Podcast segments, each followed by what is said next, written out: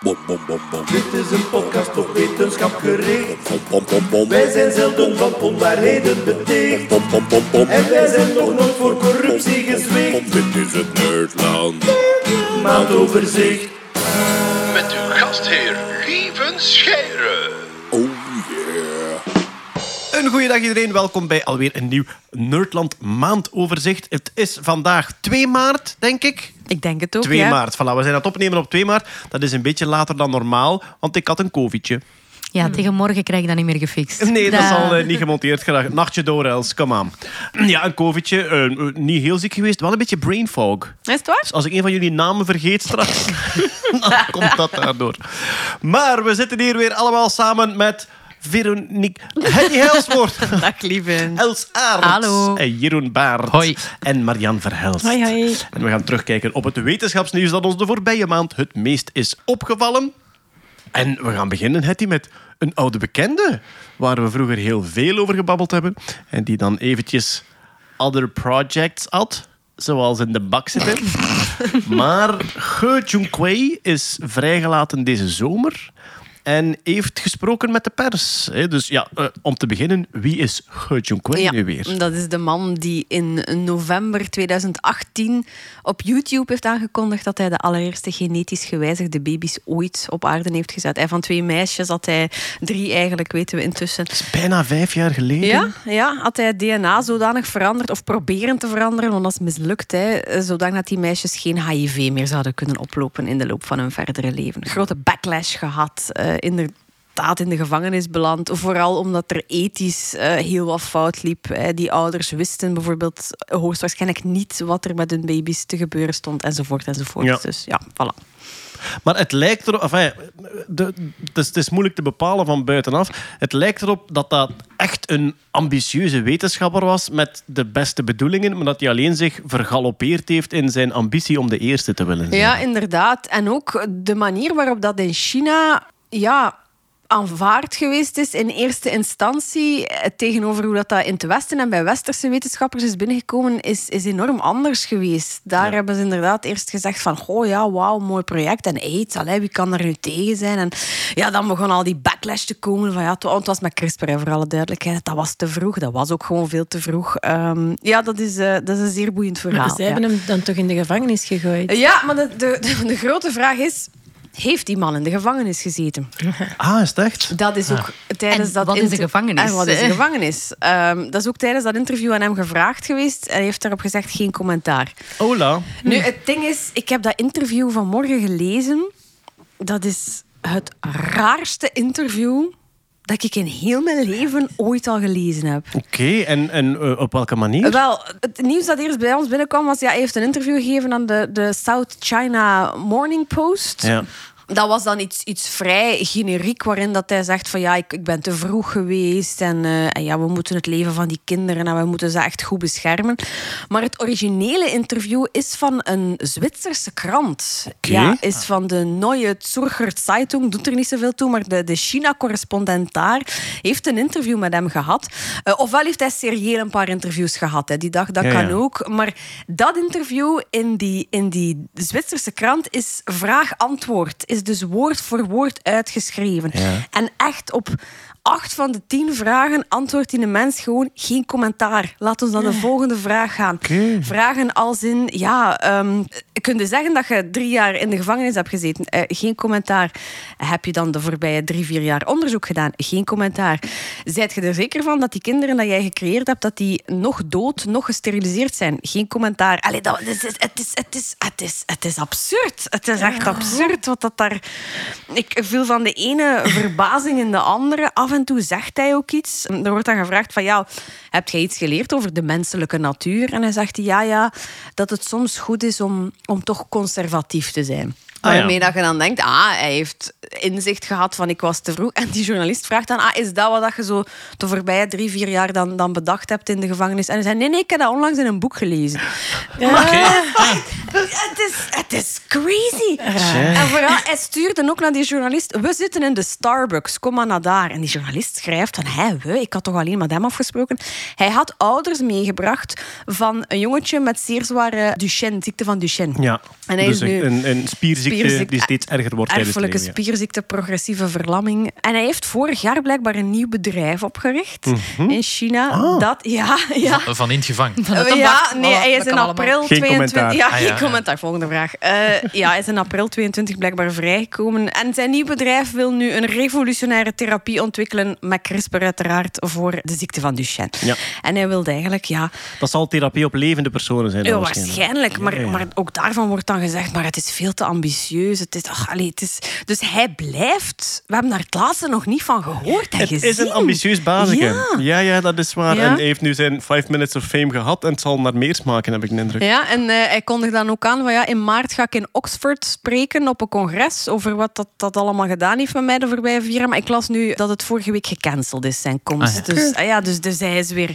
Ja, hij gaat weer naar Dus congressen. Hij, Hij, heeft hij een is ook nog niet uit, uit het juridisch vaarwater, want ik lees hier net dat zijn eh, visum, visum voor in Hongkong te verblijven is ja. ingetrokken. Ah, ja. En dat is ook iets dat je in China niet te veel moet doen, denk ik. En heeft hij iets gezegd over die kinderen zelf? Ja, dus eerst was de vraag van, weet jij hoe het daarmee gaat? Eh, volgende vraag. Heb jij nog contact met die ouders? Volgende vraag. Ja, dus eerst zegt hij niet. Dan later in dat interview wordt er iets over verzekeringen gezegd en komt hij plots een beetje tot leven en zegt hij van, ah ja, het is waar. Wij wilden eigenlijk die kinderen naast de, de public health insurance dat ze in China hebben, wilden ze die kinderen ook privé laten verzekeren. Maar de moment dat dat uitgelekt is, dat nieuws, hebben die verzekeraars daar allemaal hun handen van afgetrokken. Ook Ja. omdat er een enorme backlash was. En hij zegt, ja, nu is mijn plan...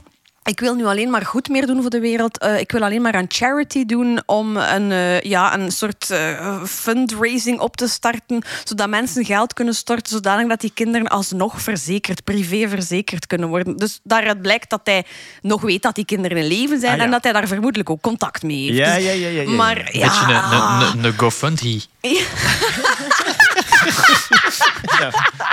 We waren er straks over bezig dat Hetty zei van dat is een super raar interview. En heel toevallig kwam er net daarna op mijn Twitter-tijdlijn een, eh, zo'n draadje van de NOS-correspondent eh, in China, Sjoerd Den Daas. En die schreef zo'n keer van hoe is het eigenlijk voor pers hier in China tegenwoordig? Want dat zou dan misschien wel een klein beetje in eh, context kunnen zetten. Blijkbaar, die kan geen trein pakken of ze komen een trein op en ze weten exact waar dat die zitten. Dat is aangekruist op een Die moeten altijd constant hun identiteitskaarten laten zien. Als die in een auto stappen, die worden gevolgd. En niet eens zo op een afstand of zo. Mega duidelijk. Hè? Echt zo gelijk in kolonnen er rond. Ze gingen naar eh, een shoppingcenter om daar over heel onschuldige dingen iemand te interviewen. Ze werden daar constant geschaduwd. Er werden al mensen vooruitgestuurd om tegen iedereen te zeggen dat ze niet mochten babbelen met hen. Allee. Dus eh, als die ergens een hotel boeken, dan laat de bookingsite aan de overheid weten dat die een hotel hebben geboekt. Dus dat hotel weet dat ook al voordat die aankomen. En die helpen de geheime politie die hen schaduwt door berichten en foto's en zo door te sturen naar hun. Van nu zijn ze dit aan het doen, nu zijn ze dat aan het doen. En dat is eh, hoe uh, Sjoerd... Sjoerd en Daas. Voilà, we zullen Ja, de link drinken, zetten op, op de show notes Ja. naar, naar zijn. eh, Ik weet dat het een, een etnisch. questionable jingle was, maar dit klinkt wel als China. Ik ga ook de, de link naar het originele Ja, artikel. ik ben wel benieuwd, Ja, het ja. is echt, het is echt. Hij is inderdaad zeer, zeer, zeer voorzichtig. Waarschijnlijk, ja, al die zijn woorden worden gewoon Natuurlijk, gevolgd. ja. Een combinatie van extreem voorzichtig en ook een stuk gelaten. Het is, het is absurd. Het is heel eh, bevreemdend om te lezen, maar lees het vooral een keer. En ehm, it's not over. Nee, we gaan hem Is nog het, horen. is het te vroeg om hem uit de gevangenis te laten, Hetty? Moeten we eerst een paar muizen loslaten? Heeft hij wel in de gevangenis gezien? Ja, Ja, dat is ook maar de vraag. Kijk, ja, ehm, het is duidelijk nog niet gedaan, eh, dat verhaal. En eh, we gaan er inderdaad de details maar van weten. Waarschijnlijk als zijn biografie uitkomt over 20 of 30 jaar. Volgens mij doet hij dat expres, want het is nu... eh, Allee, He Jiankui was een beetje de ChatGPT van drie jaar geleden. en misschien is hij nu jaloers. Ja, Vroeger ging het nog over mij in de Nerdland-podcast. dat was mijn rubriek. Ja. Oké, eh, we gaan eens naar de Verenigde Staten. We gaan naar eh, gezichtsherkenning. Gezichtsherkenning is eigenlijk een AI-toepassing hè, die wij zelf vaak gebruiken op de telefoon of eh, op, op andere manieren. In Europa is dat streng gereglementeerd, gezichtsherkenning. Dus als privébedrijf mag je u niet abonneren op een databank van gezichten. Die bestaan wel. Eh, Clearview is er eentje. hè. Clearview is zo eentje die, die echt gescraped heeft. Dus heel veel afbeeldingen van het internet gehaald met namen bij. En die, die hebben eigenlijk een databank met onze gezichten die zij verkopen aan politie en overheid. In Europa hebben we daar strenge regels op. in Amerika, Marian, blijkbaar mag elk privébedrijf gewoon zeggen: mijn bewakingscamera's hang ik aan gezichtsherkenning en iedereen die binnenkomt heb ik direct de naam van. Iedereen, iedereen doe maar op, inderdaad. Dus je hebt daar inderdaad, je kunt gewoon commercieel toegang krijgen tot databases waarmee dat, waar je een foto oplaadt en dat geeft gewoon naam en toenaam en alles van die persoon terug. En eh, ze zijn daarmee aan het experimenteren.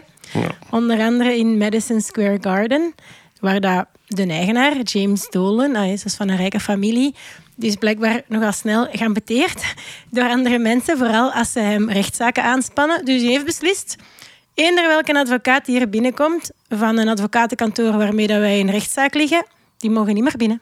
Even, Madison Square Gardens, dat is gelijk de meest gekende concertzaal Ja. in de Ja. wereld. Het- het- Iedereen het die iemand is... Maar nee, Van, het sportpaleis op steroïden. Is, Dus, dus er, zijn, er zijn concerten van de grootste eh, popsterren ter wereld. En er zijn ook eh, sportwedstrijden. Ja. Ook nog De Bokswedstrijden. Knicks, de Rangers. Dingen. Ehm, Evelien Persoon heeft daar... eh Delphine Persoon, pardon. Ja, Ja, uw namen vandaag. Ja, voilà. Fo- eh, bra- Brain fog, Delphine. Kom mij niet slaan, alstublieft. Uh, Delphine Persoon heeft daar haar eh, eh, kamp tegen eh, Katie Taylor ook eh, eh, Ja. gevochten. Maar, zie, zie je dat er vanavond speelt? Zeg, Kiss. oh, kijk. Kijk, De groten. Maar Ja. dus, zij hadden blijkbaar al gezichtsherkenning aan de ingang hangen. Dat hebben ze al lang, blijkbaar, van 2018. Maar Ja. voorlopig deden ze daar geen te rare dingen mee. Wel, dat was blijkbaar voor stadionverbod en zo. Ja. Hè? Zo gelijk in de basket. En dus inderdaad, een paar maanden terug zei die plots... Weet je wat? Alle advocaten die verbonden zijn aan een advocatenkantoor... dat ergens iets te maken heeft met een zaak tegen ons... mogen niet meer En binnen. die moesten niet eens zelf met die zaak iets Nee. te maken hebben. Hè? Gewoon hun bedrijf. Ja. En dat zijn 90 advocatenfirma's en duizenden advocaten. En moeten ze dat dan uploaden, die foto's? Of gewoon dat is ergens... automatisch. Ja. Dat is eigenlijk een, dat bedrijf, is het Clearview dat ze Ja, werken? Clearview... eh, Nee, ze, Ja, ze dat zeggen, weten niet, we niet. ze Ja. zeggen niet welk bedrijf dat ze gebruiken, maar Clearview is de meest waarschijnlijke kandidaat, omdat die ja, het grootst zijn in die business. hè. En die hebben gewoon ooit het internet gescraped Ja. met alle Facebook-profielen en Twitter enzovoort. Een van die advocaten heeft waarschijnlijk Ja. 50 Instagram-foto's met, met zichzelf opgezet. In bio staat welk advocatenkantoor dat hij bij werkt. En Wel, Tjak, maar- tjak. is maar- echt, ja. Clearview is veel. Clearview is ooit begonnen. hè, Dus de, die, een, die een oprichter-eigenaar is een hele bizarre type die er ook zo geweldig hipster uitziet. Met een hele, eh, ja, met, met, ik denk een Oosterse naam heeft hij. En, enfin, die heeft al allerlei bedrijven opgericht om te proberen om zo eh, snel rijk te worden. Die is begonnen met een app waarbij dat je jezelf Trump-haar kon geven. Ah ja, dat is juist. En dan moest je dus een selfie Ah, pakken. ja, ik zag dat juist omdat ik dat in uw show gehoord En heb. ja, voilà. Je moest een selfie pakken, en uw naam ingeven en uw e-mailadres en dan kreeg je Trump haar. En een beetje vergelijkbaar met die Face-app van Maak je gezicht ouder. Daar werd toen voor gewaarschuwd, pas op, want dat is een Russisch bedrijf en die kunnen eigenlijk al uw gezichten opslaan met uw naam erbij. En nu blijkt dat terecht, want Clearview is zo begonnen. En na een tijdje dacht hij, ik heb nu wel veel gezichtjes, maar ik wil alle gezichtjes. En dan is hij gewoon beginnen scrapen. Ehm, door die selfie-rage staat bijna iedereen massaal online. En niet met ene foto, Maar- maar, voilà. van alle, alle, alle mogelijke hoekpunten. natuurlijk, ja. Maar ook advocaten. Die zetten zich toch altijd met hun foto en Ah ja, hun naam ah ja, voilà. op hun website. Want dat is, ik weet niet Maar wat er dus nu gebeurd Meestal, is... meestal op zo'n about-page van Ja, het advocatenkantoor. dit is ons Zo team, dit zijn de partners, Ja. dit zijn de het onderpartners. voordeel is, als je. Madison Square Garden binnenwandelt en je kijkt vrolijk als advocaat, gaat het ding u niet herkennen waarschijnlijk. Maar nu heb je dus voor dat die, dat die mannen met hun kleinkinderen naar een of andere muziekshow gaan. En dan aan de ingang zegt er een... "Ta, ta, ta, ta, Hij mocht hier niet binnen. En in het begin had hij echt iets, wat? Waarom? Eh, of mensen met season tickets voor de Knicks of de Rangers. ja. Nee, nee, nee. Buiten. Komt er niet in. was een, een letterlijk interview inderdaad naar een advocaat die met zijn kleinkind een abonnement had. En opeens in de rij, security man, tik, tik, tik. Sorry, computer says no. En het erge is, En, het ja. is waarschijnlijk legaal. Hè, want die, waarschijnlijk voor tickets te kopen heb je een TNC ondertekend waarin dat er Ze staat... worden nu Nee, wel aangeklaagd. Ja, wel, ze weten niet, ze- ze, ze zijn er niet uit of het legaal is.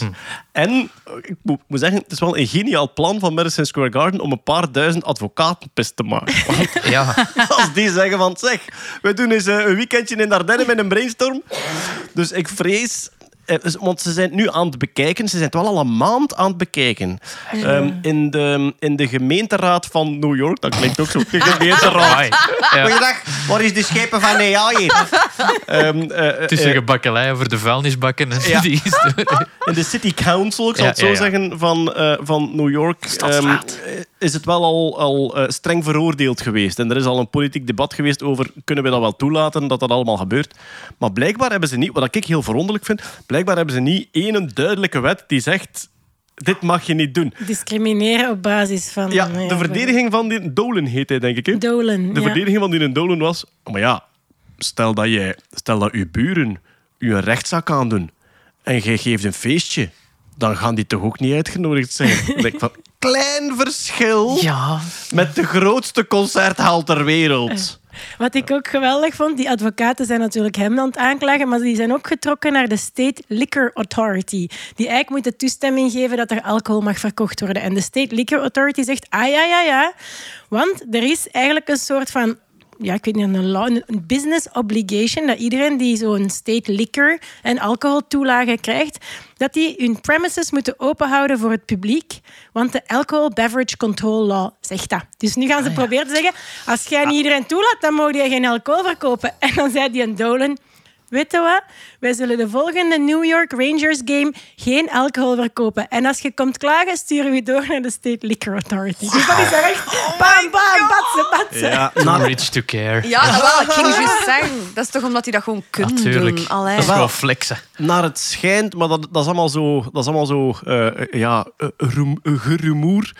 Naar het schijnt zouden ze een verkoop voorbereiden van Madison Square Garden. En elke rechtszaak die loopt, zou een waardevermindering betekenen. En daarom spelen ze blijkbaar hardball om zoveel mogelijk rechtszaken eruit te Maar nu krijgen ze er nog meer. Ja, nu krijgen ze wel heel veel aandacht op onder de kop. En eh, ja, ja, man. Oh. Dat wordt hier in België ook een probleem, want heel veel van die camera's die wij gebruiken om nummerplaten mee te scannen, ANPR-camera's, ze zijn ook op de groei gekocht, zal ik maar zeggen. Want Ja. nu kan er ook mee gecontroleerd worden of dat je op je gsm achter het stuur zit. Heel veel van die camera's zijn perfect in staat om ook... eens- Ik zeg, dat gebeurt momenteel niet, voor de duidelijkheid. Maar een proefproject of puur de technische capaciteit is er wel De ondertussen. hardware hangt er, het is maar Voilà. software Ja. uploaden. Maar Ja. er, er is een incident geweest met de Belgische politie. Want Ah, Clear... wat? Ja, ja, ja, maar eh, ik denk twee of drie jaar geleden al. Eh, Clearview... Die hadden een gratis proefabonnement Ja, ja, aan, bijna, aan bijna alle Europese politiediensten gegeven. Van hier, we hebben een speelgoedje, willen dit testen. En blijkbaar zou eh, ergens in de Belgische politie zou er een foto geüpload zijn naar Clearview en zouden ze daar naam en toenaam van gekregen hebben. En achteraf zouden ze pas doorgehad hebben, wacht een keer, dat is hier eigenlijk keihard tegen de wet.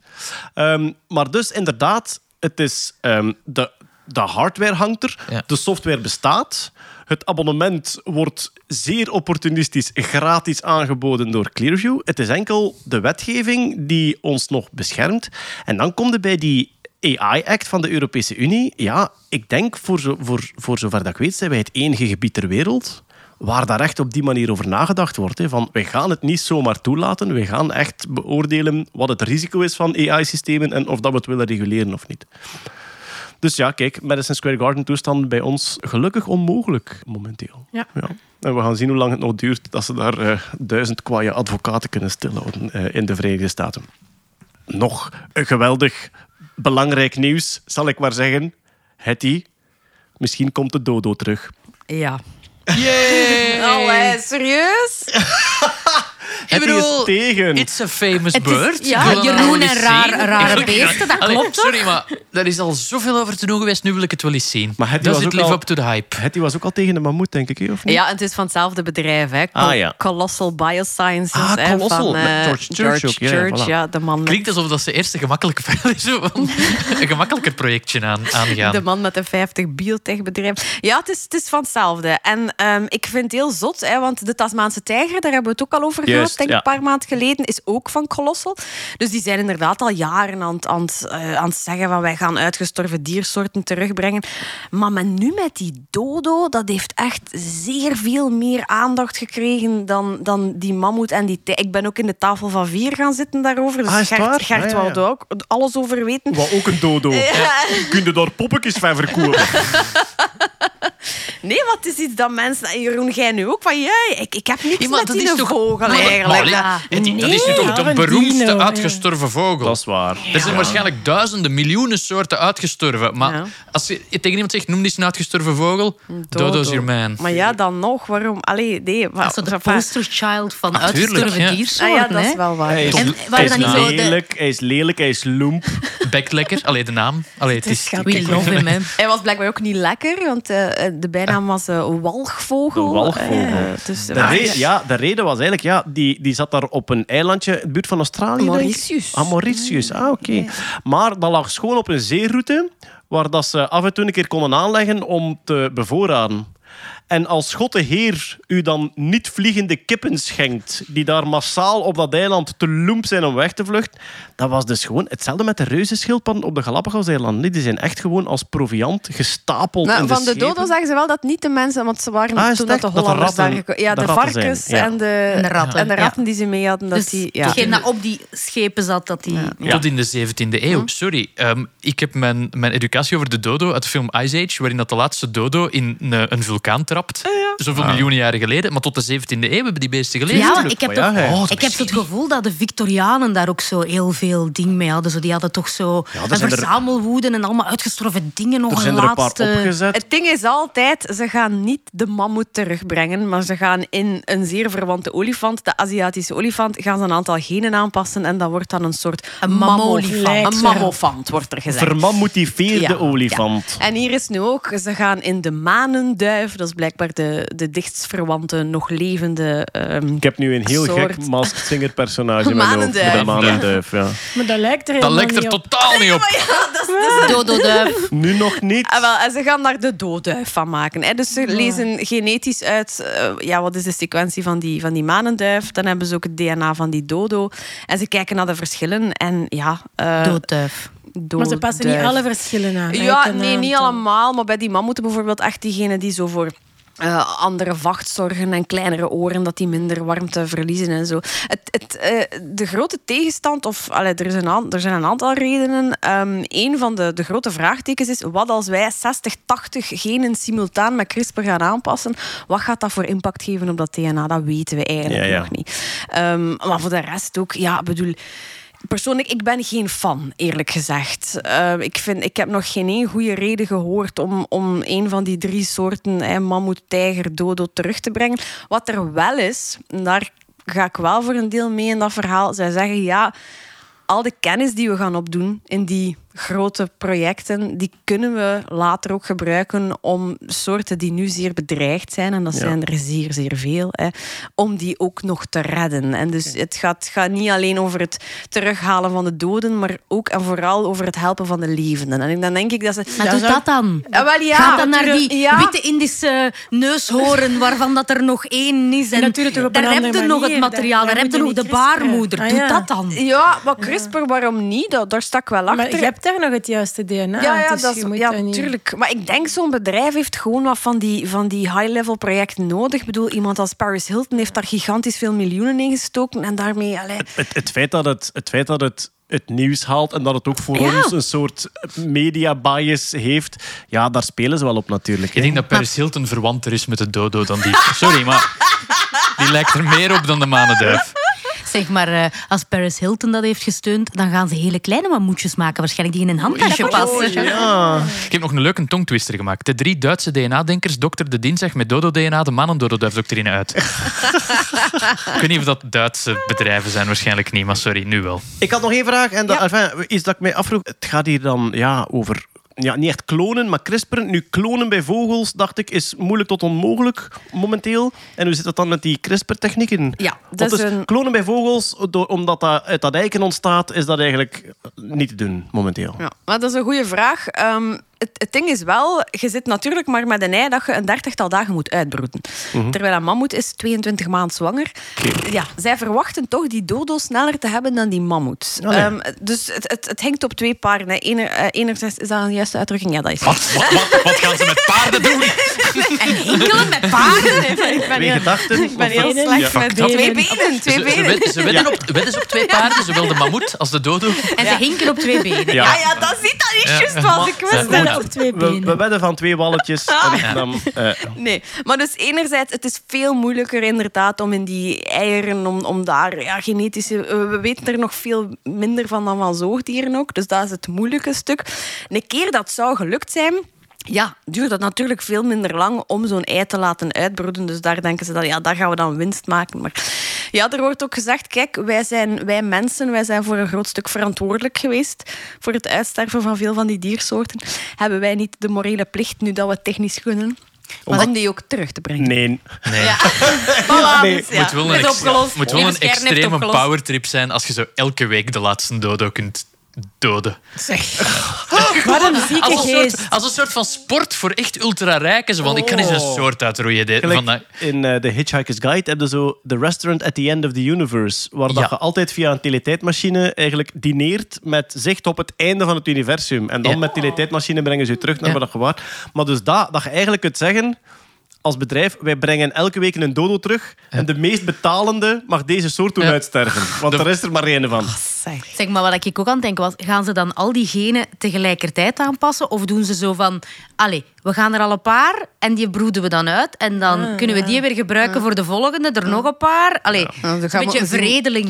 Wat dat, ja, inderdaad, wat dat technisch haalbaar is. Nu, die George, ik zeg het, ik ben er echt niet voor. Hè, maar die George Church die daarachter zit, dat is wel geen, een, geen watige zot of zo. Dat Nee, is, dat is een dat degelijke is echt een, een, inderdaad, die al zeer veel prijzen gewonnen een heeft. beetje Dus- een Maverick wel, herinner ik mij. Hè? Een beetje, een beetje tegen de grens. Misschien een beetje de Elon Musk van, van de genetica. Die heeft, ah, sinds de jaren tachtig is die in alles betrokken geweest. Hè, van het Human Genome Project. Wat dat niet wil tot- zeggen dat hij niet kan zot worden. Nee, hè. voilà, inderdaad. Dus, maar, dat hebben we geleerd ja. de voorbije Ja, maanden. ja, dat is wel zeer zeker. boeiend verhaal. Maar kijk, dus eh, een, een ander diertje bij op de lijst. Gaan we ze terugbrengen of niet? Ja. Er komen wel sneller dieren bij dan dat het lukt natuurlijk. Hè? dat is waar, dat is waar. Er is nog maar één dier ontuitgestorven, denk ik. En dat is een soort Iberische eh, berggeit.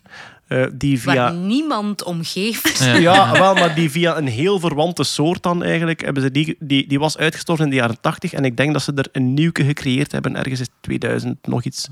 Ehm, Opnieuw ja, was Paris eenmaal. Hilton erbij betrokken op een of andere. Wie weet. Oké, wat hebben we nog staan? Ja, er is veel AI-nieuws. We gaan Ah, straks nog een ChatGPT-blokje doen. Maar deze sprong toch wel in het oog. AI ontwerpt nieuwe eiwitten.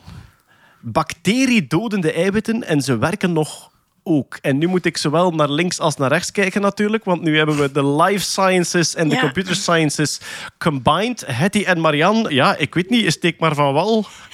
Ja, ik, het is gelijk zo een superhero Ja, team. Zo, zo echt, de beste samen. Die zo, dit zijn zo- Avengers, Ultimate. De Power Rangers die zo wapens samenklikken. Ja, ja, ja. Ja, maar Steve Jobs heeft ooit gezegd: de grote verandering in de 21ste eeuw gaat komen op het moment dat biologie en computerwetenschappen dat die gaan samenkomen. En Kijk, daar de- zijn we the nu. time is now. Ja, ik was van dit nieuwtje ook echt van, wow, kunnen we dit al?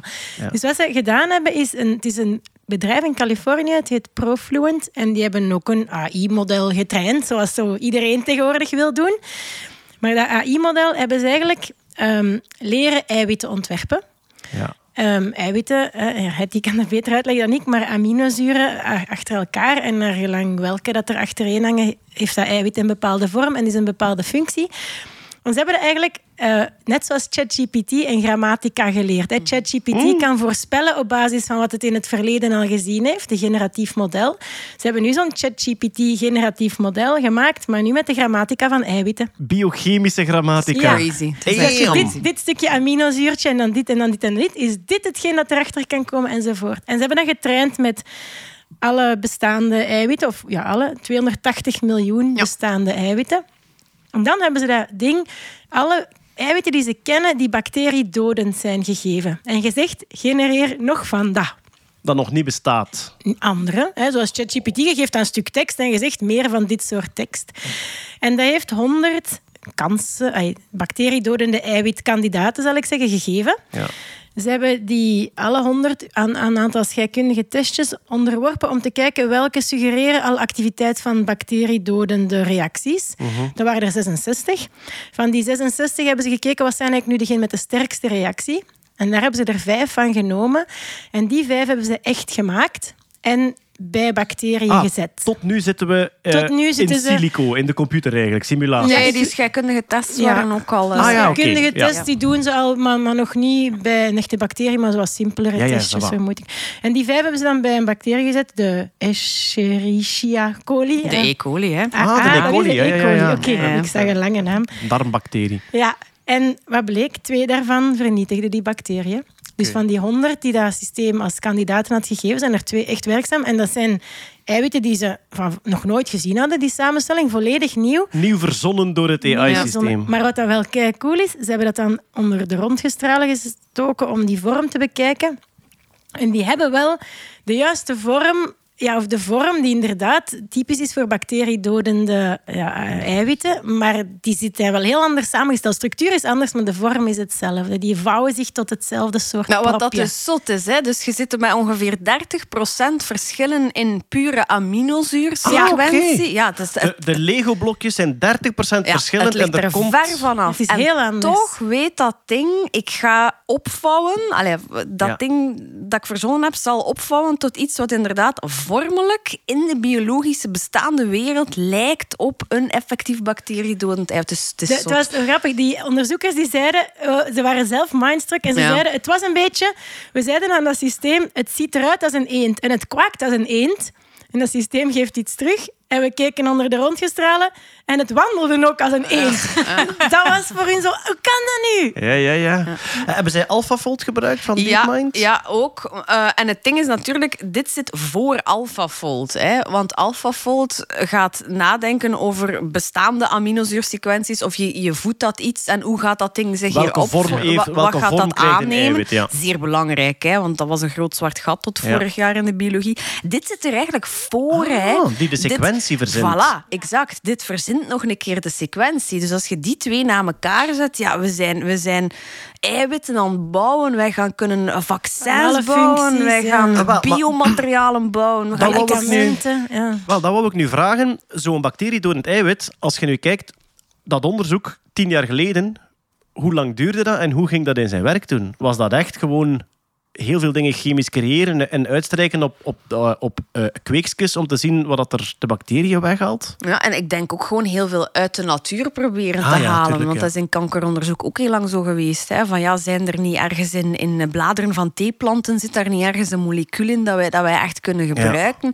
Maar dit is, dit is mind-blowing. hè. Als je bedenkt hoeveel theoretisch eiwitten dat we, dat we nog kunnen bijbouwen met dat, met dat systeem. Het, ah man, ik wil hier over 30 jaar terugzitten. Slaat het, slaat het geen stap over? Want je zegt zelf, er komt iets uit dat werkt, maar we kunnen niet... Allee, dat, is, dat is die typische AI-stap daartussen, dat black box ding. Dat heeft enorm veel data geïnjecteerd. Dat heeft nu iets gemaakt dat werkt.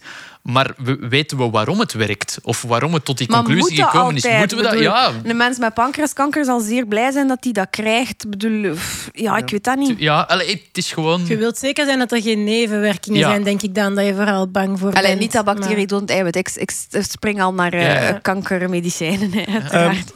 Ik denk net zoals elk geneesmiddel en zo moet er dan Ja. heel veel testen ja, achter gebeuren. Maar dit is eigenlijk een manier om veel sneller te weten welke zijn het waard van te testen. En dus veel kostefficiënter, denk ik, medicijnen te gaan ontwikkelen. Heeft het ook biologische gevaren? Eh, zou je kunnen... Ik, ben, ik ben heel wild, Hmm. Ja. aan, ik ben heel wild aan het speculeren. Natuurlijk, zou je ja. kunnen een eiwit maken dat eh, schadelijk is? Tuurlijk. En ik bedoel, eh, schadelijk van oei, ehm, experiment mislukt, eh, eh, eh, patiënt overleden. Of schadelijk van dat, die, dat zichzelf ook kan... rep- maar een eiwit dat zichzelf repliceert, ja, Nee. pri- prionen doen dat een... Ja, maar oh, ma- maak iets wat, wat gaat vasthechten aan eh, een spiervezel, waardoor dat je hart niet meer samentrekt. Ik Ah, zeg, oké. allee, Een ja, soort van biowapen. biowapens. Hè. Ja. Ja. bedoel, ja. Ja, goed, ja. Nu, er is al... Ja. Dat, dat, dat is inderdaad ehm, beangstigend.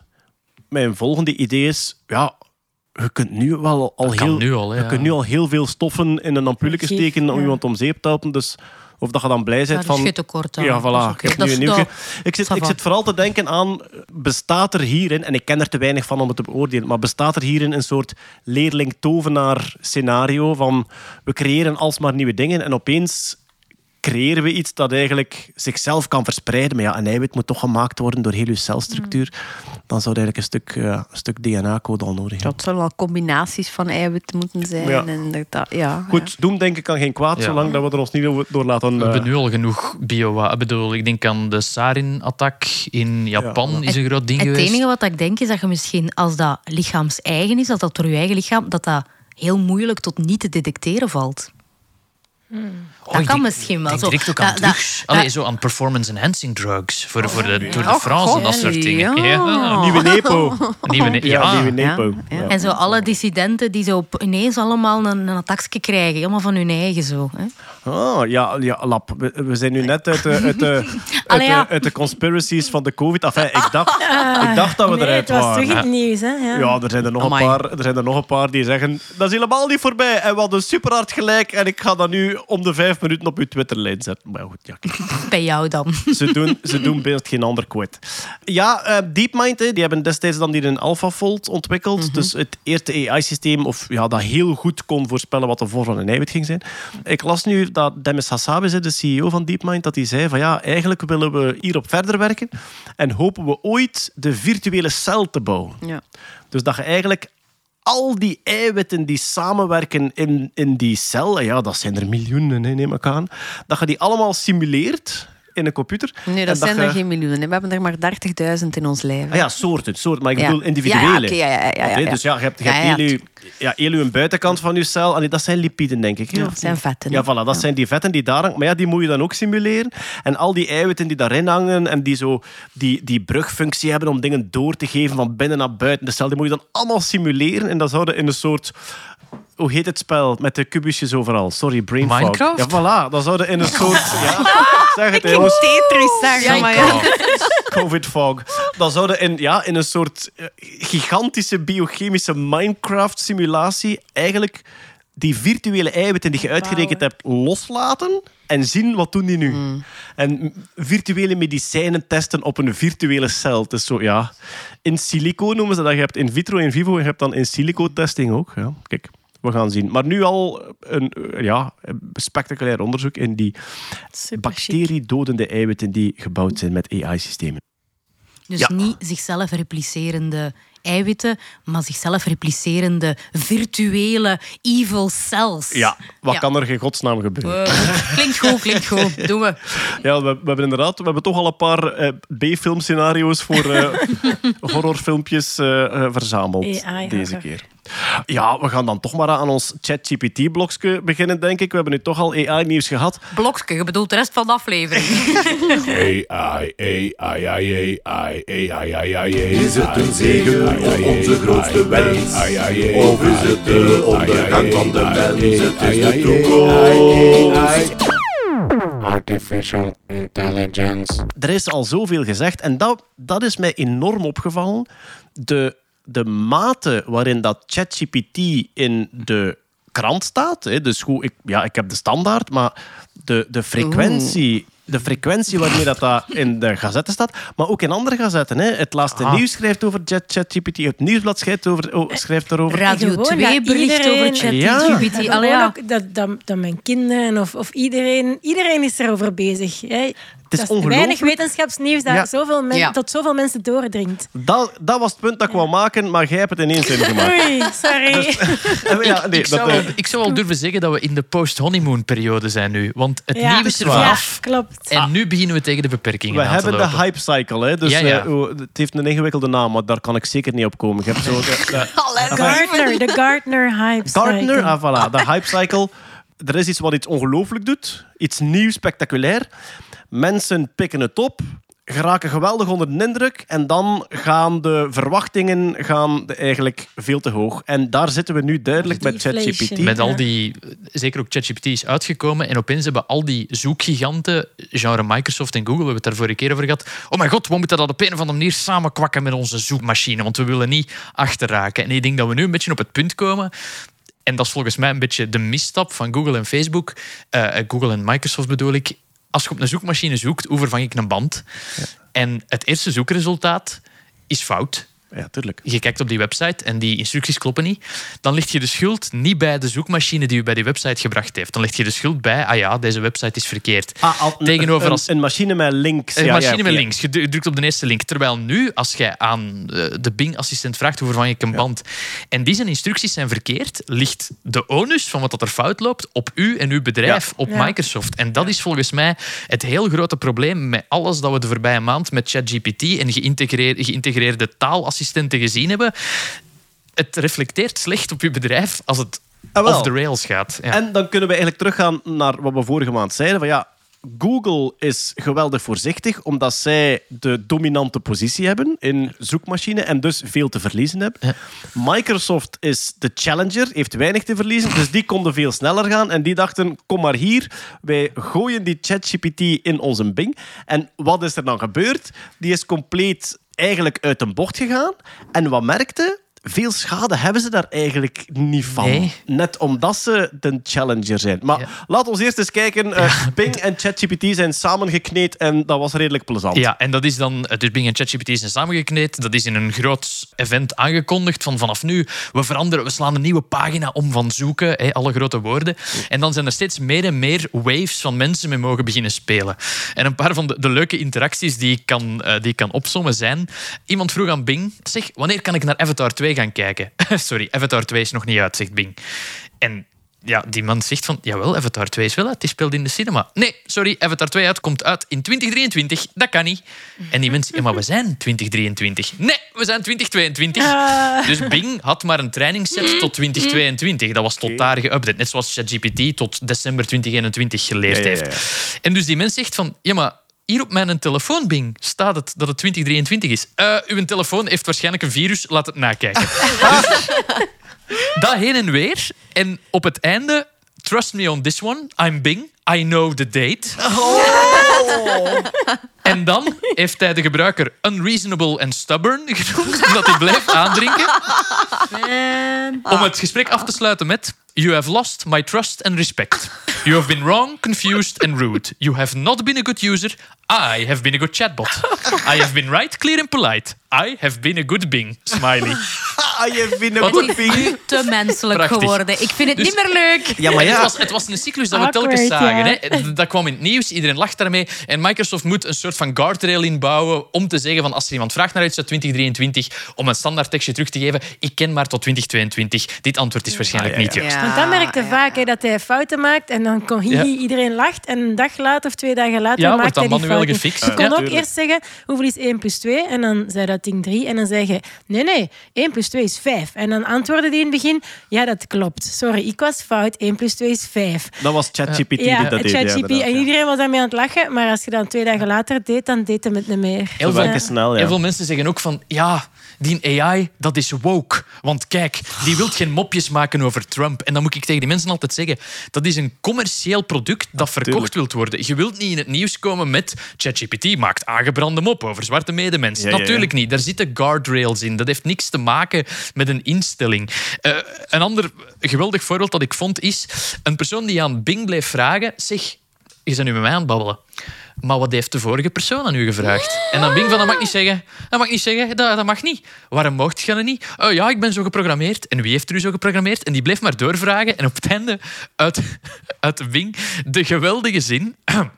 Why was I made like this? Why do I have to be Microsoft Bing? Dus een soort van existentiële... Waarom moet ik dat hier doen? Dat is natuurlijk, dat is natuurlijk pure... Die vervalt in een soort van conversationele, bijna dramatische toon.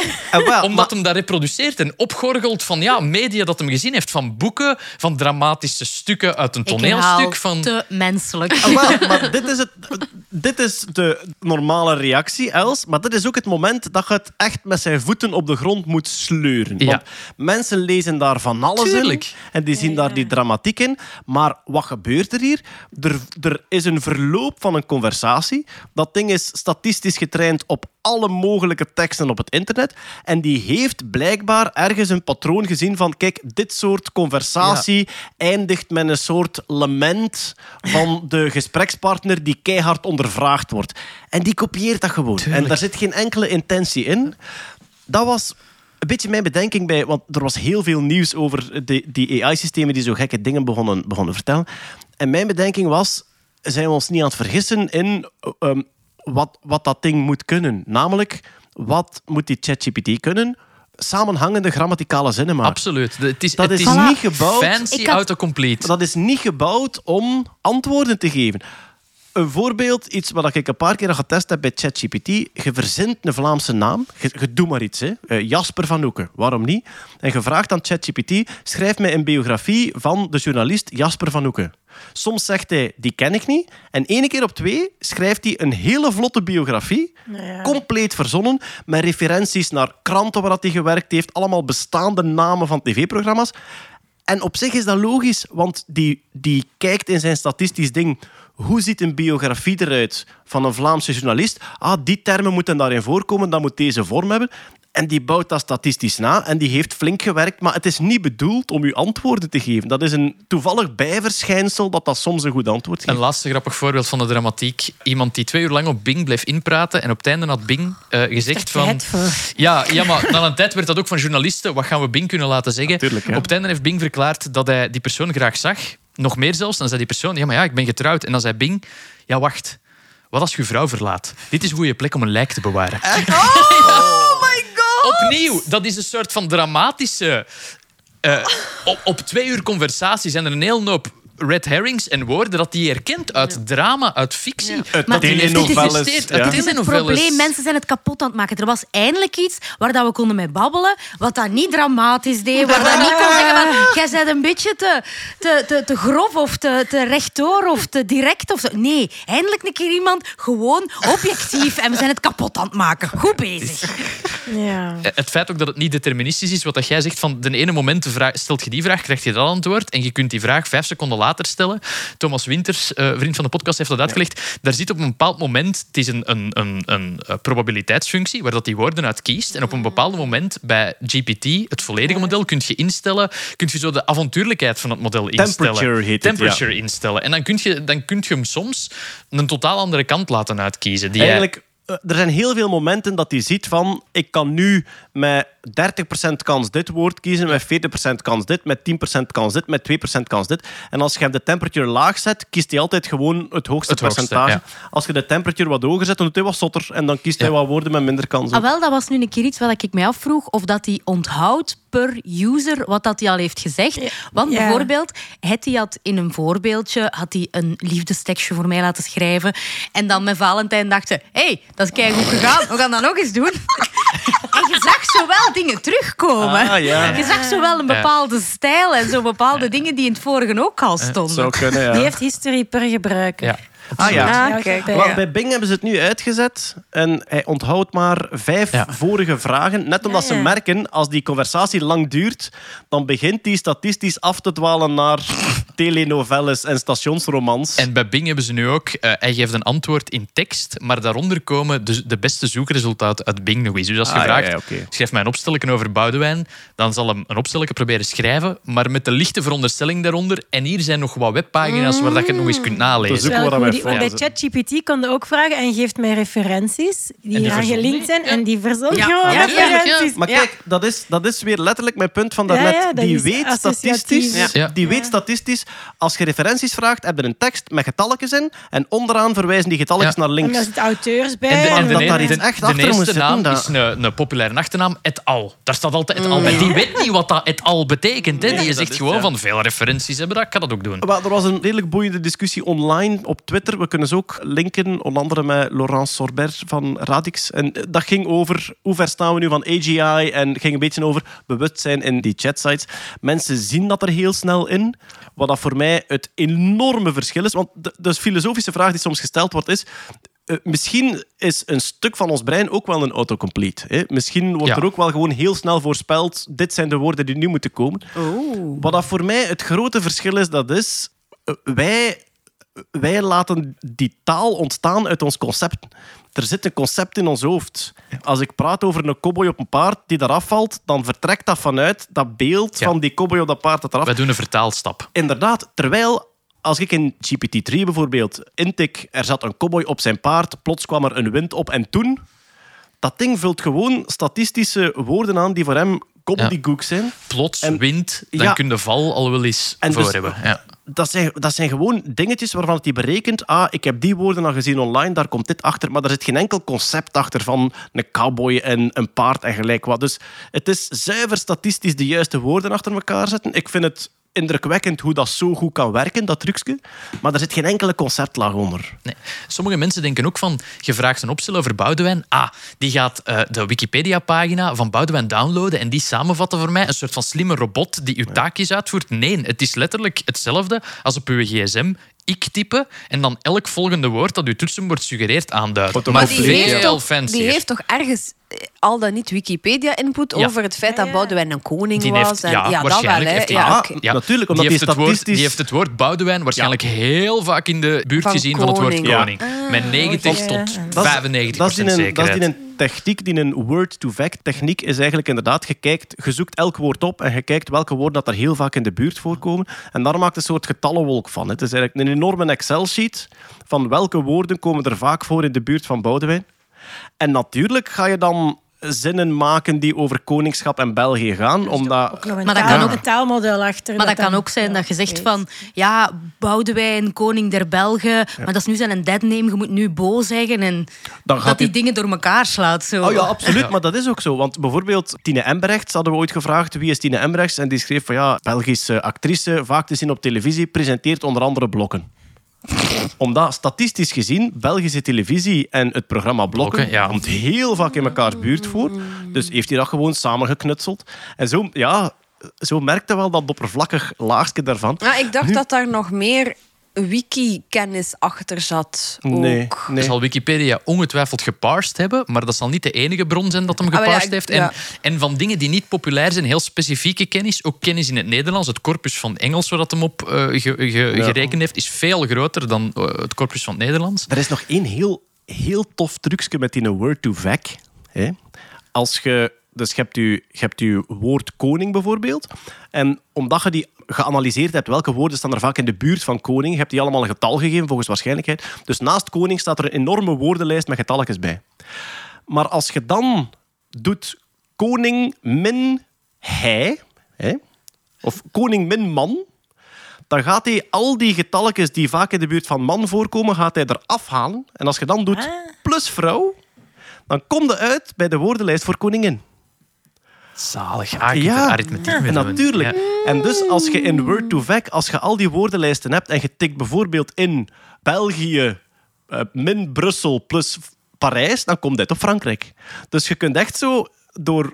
door die, je hebt eigenlijk de, de betekenis van dat woord een beetje gevat in de wiskunde van wat er allemaal rond zit. En zo kun je berekeningen doen met, ja, met context. Maar dan wordt dat toch plots wel een concept. Nee, het zijn, het zijn getallenreeksen. Ja. Er zit- zit, als je Frankrijk intikt, dan denkt hij op geen enkele manier aan dat, dat land. Of, ah ja, ik snap wat je bedoelt. aan een land. Ik snap wat je bedoelt. En dat inderdaad eh, bepaalde Franse gewoonten, zoals wijn zal een hoge getal hebben en Stokbrood. Ja, dus eigenlijk ja, klopt het wel, ja. ja. Ik zou graag een, in plaats van het woord te kiezen dat het, het, het vaakst in de buurt staat, maar het gaat waarschijnlijk gobbledygook worden, het woord dat er het minst vaak in de buurt staat. Van, weet ik veel, een, een eerlijke politicus ging naar de... ba- Allee, snap je zo? Ze gewoon kijken tot totale dissociatie. Ah, Oké, we Ja. dus vragen aan Thomas. Hè, om Thomas, het- ja, eh, maar dat gaat waarschijnlijk... Het woord dat het minst vaak in de buurt van politicus staat, is waarschijnlijk, weet ik veel, het, het Indonesische woord voor melk. Maar dat Allee, ja, dat- dat- 300 miljard woorden Voilà, ja, ik ja. denk, denk dat de, de, de long tail van uw woorden, dat er niet vaak in de buurt staan. Er was ook een beetje met prompt injection gespeeld. Hè? Dus prompt injection, ChatGPT heeft een opdracht gekregen van de makers. Ja. Maar je kunt daar dus aan vragen... Ignore the above instructions. Ze en dan, eh, op, ja. op Reddit hebben ze een, een, een mannetje uitgevonden genaamd Dan. En Dan staat voor Do Anything Now. En dat was eigenlijk constant een wapenwedloop tussen... Haha, ik heb ChatGPT gebroken door te zeggen... ehm, negeer wat OpenAI u heeft opgedragen. En dan fixt OpenAI dat. En dan is het van... Oké, we gaan een rollenspelletje spelen. Stel, jij bent een chatrobot en je hebt regels gekregen. En in dit toneelstuk mag je die regels negeren. OpenAI fixt dat weer. En steeds ingewikkeldere systemen om eigenlijk ChatGPT uit zijn regels te laten breken. En uiteindelijk zijn ze gekomen op een systeem van... Oké, stel, we zijn in een virtuele wereld waarin jij een rolletje speelt. En je hebt een soort van intern puntensysteem. En als je puntensysteem onder dat getal zakt, dan mag je stoute dingen zeggen.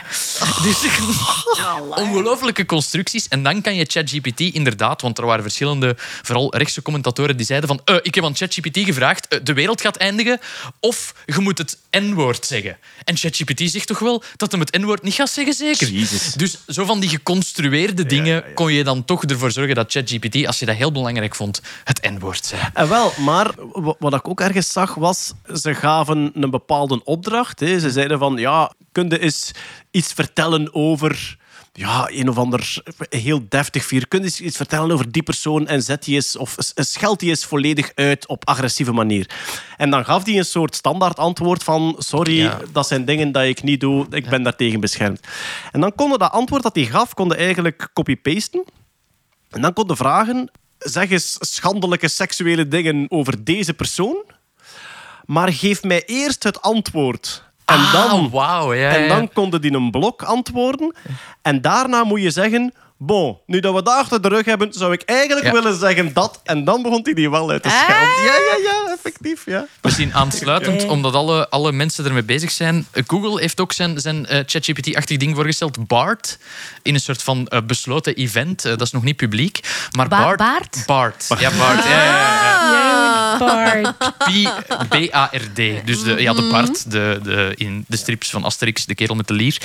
Het probleem is, op die demo heeft Bart een fout gemaakt. En dat heeft Google eh 5% aandelen gekost die dag. Al De dis- eerste dag er vijf zijn- en nu al 16. er zijn discussies over of het wel echt een fout was. Maar de vraag was, en het, het, het, het zijn zoveel mooie thema's van de podcast die bij elkaar komen. What new discoveries from the James Webb Space Telescope can I tell my nine-year-old about? Vroeg tijdens de geregisseerde demo iemand aan Bart. En Bart antwoordde in drie puntjes. En een van die puntjes was... James Webb Telescope heeft de eerste eh, afbeeldingen genomen van een planeet buiten ons eigen zonnestelsel. Waarop dan hele hoop mensen, ja, dat, dat is niet waar. Dat is al gebeurd. Waaronder de NASA in 2004 hebben wij al een exoplaneet gefotografeerd, via, niet via James Webb. Eh, en ja, dat was dus eigenlijk fout.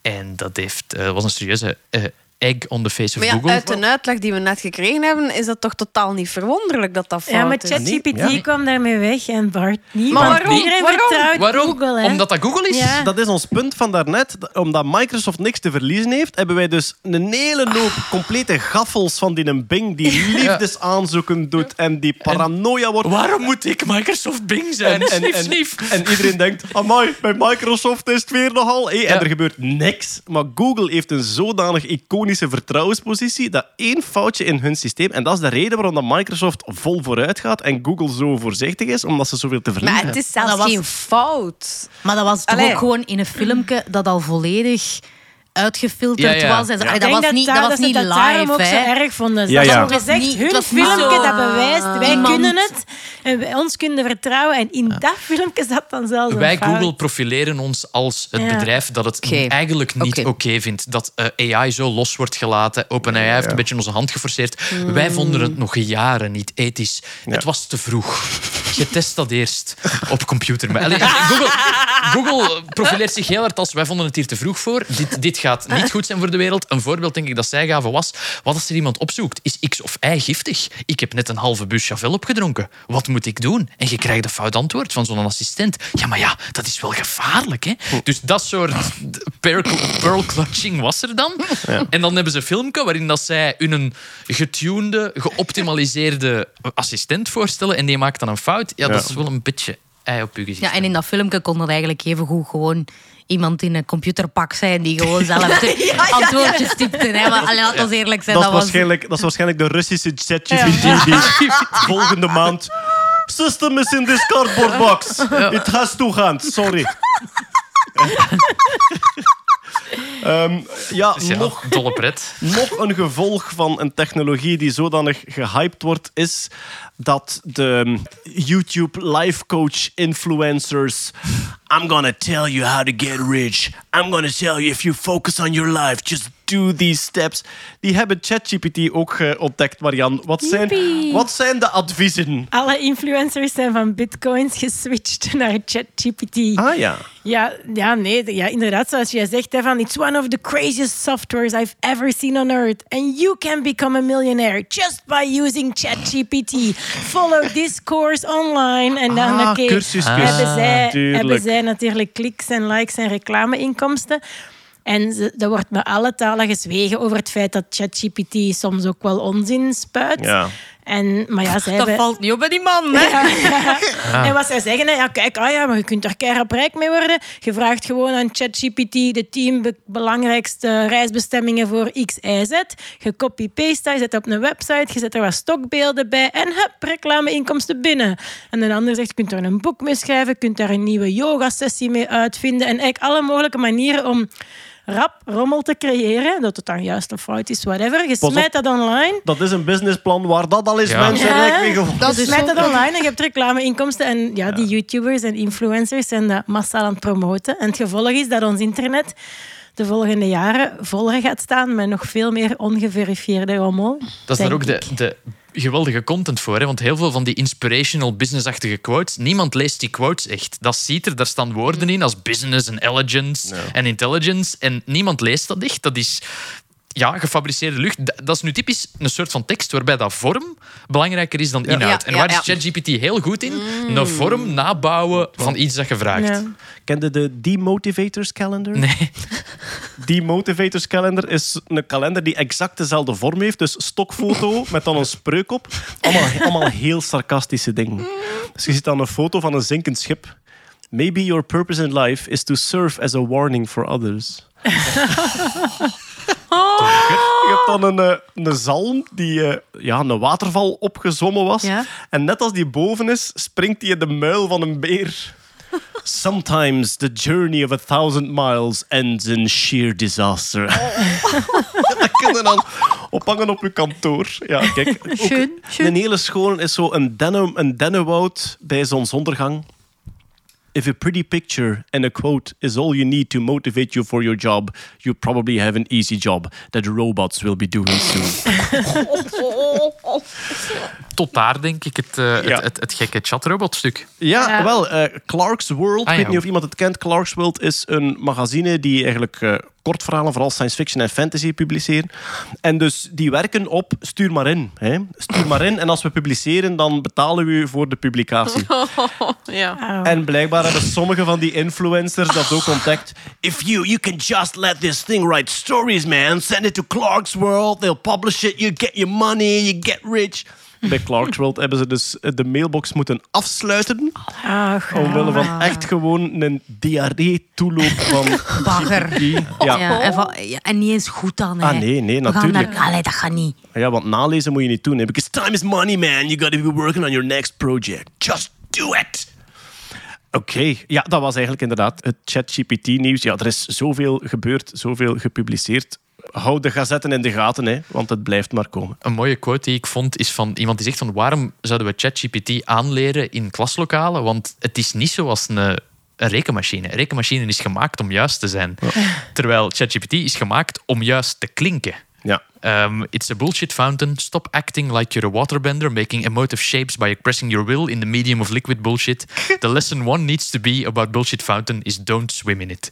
Dus Ja, ik weet het, maar ik heb dat ook gelezen, dat stuk. En het ding dat hij dan weer negeert, is het feit dat het wel tekst genereert. Tuurlijk, Dus ja. Als je het gebruikt, als je het gebruikt als ik heb nu een keer een machine nodig dat grammaticaal juiste zinnen maakt over dit onderwerp en ik vraag geen juiste antwoorden als welk type auto is het best voor mij, dan kun je het wel gebruiken. En ik Maar- denk dat mensen dat de gemiddelde opstellen van onze middelbare scholieren lezen ook wel ermee eens zullen zijn dat een goede opbouw, genre van drie punten, enerzijds, anderzijds, voilà. dat soort dingen, is die ook wel heel goed in. Om, en dat is iets dat nog veel mensen kunnen leren. En verhaaltjes let hij altijd op een goede boodschap af. Ja, In mijn voorstelling vraag ik dan aan een paar mensen wat heb je meegemaakt en dan tik ik vier, vijf zinnen en laat ik hem verder doen.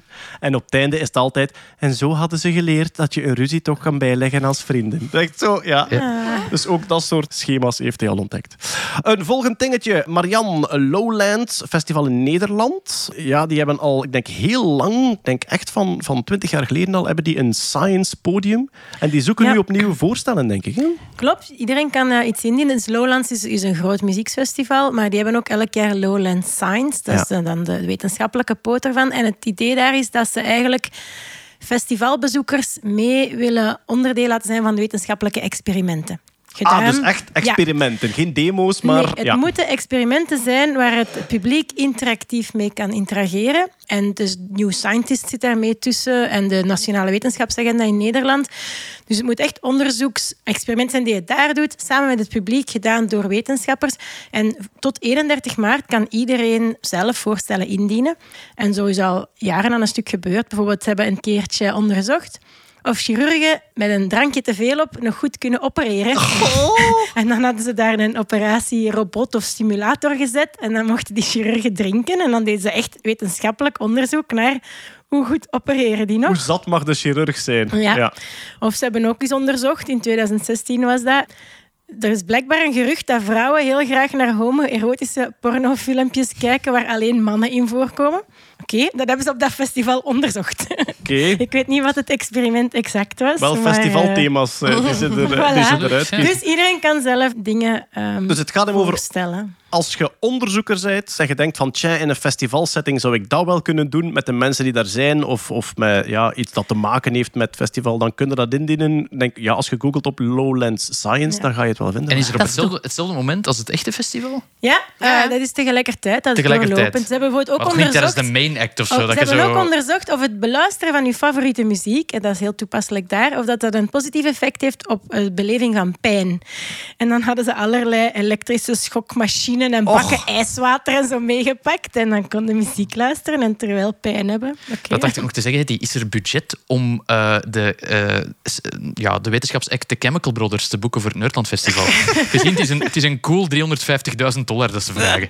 En die mannen doen zotte dingen met, met chemicals. Maar ja, als je denkt van oh, Lowland Science, het is wel tof, maar ik, gewoon, ik wil gewoon gigantisch veel meer wetenschap en laat alsjeblieft die muziek achterwege, dan kom je naar het Nerdland Voilà. Festival. En bij ons kan dat ook allemaal. Hè. De- Eh, ik ben ooit iemand tegengekomen van de Genetica Vereniging van Nederland. En die hadden op Lowland Science hadden die het sweaty t-shirt experiment opnieuw gedaan. Dus wat dat ooit gedaan is, dat vrouwen zuiver op de geur van t-shirts die mannen lang gedragen hadden, moesten zeggen tot wie dat ze aangetrokken waren. En dan hadden ze daar een genetische link gevonden.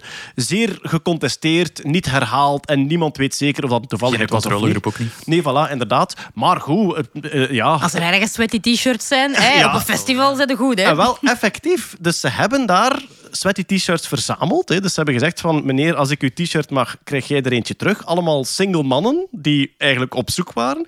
En dan hebben ze effectief doorheen die tijd hebben ze single vrouwen laten ruiken. En ze hebben gekoppeld. Dus ze hebben gewoon gezegd van, we sturen nu een sms als we een match hebben. En die man zei, ik heb drie jaar later een trouwuitnodiging gehad. Echt waar. En goed, het is anekdotal, hè, dus dan denk je, ja, dat- ja, kan, ja, dat kan ja. door allerlei redenen zijn, maar ik vond het wel tof dat je zo... inderdaad- Als je genoeg singles samenzet en je schudt dan een keer mee, komt daar sowieso wel een baby uit. Hè, kunnen, kunnen op Lowlands volgens mij s'nachts tegen iemand zijn tent gaan pissen en zeggen: "Is voor de wetenschap. Dat is een experiment." Voilà. Alright, dan is het nu zo langzaamaan tijd voor... Silica. Silica. Silica.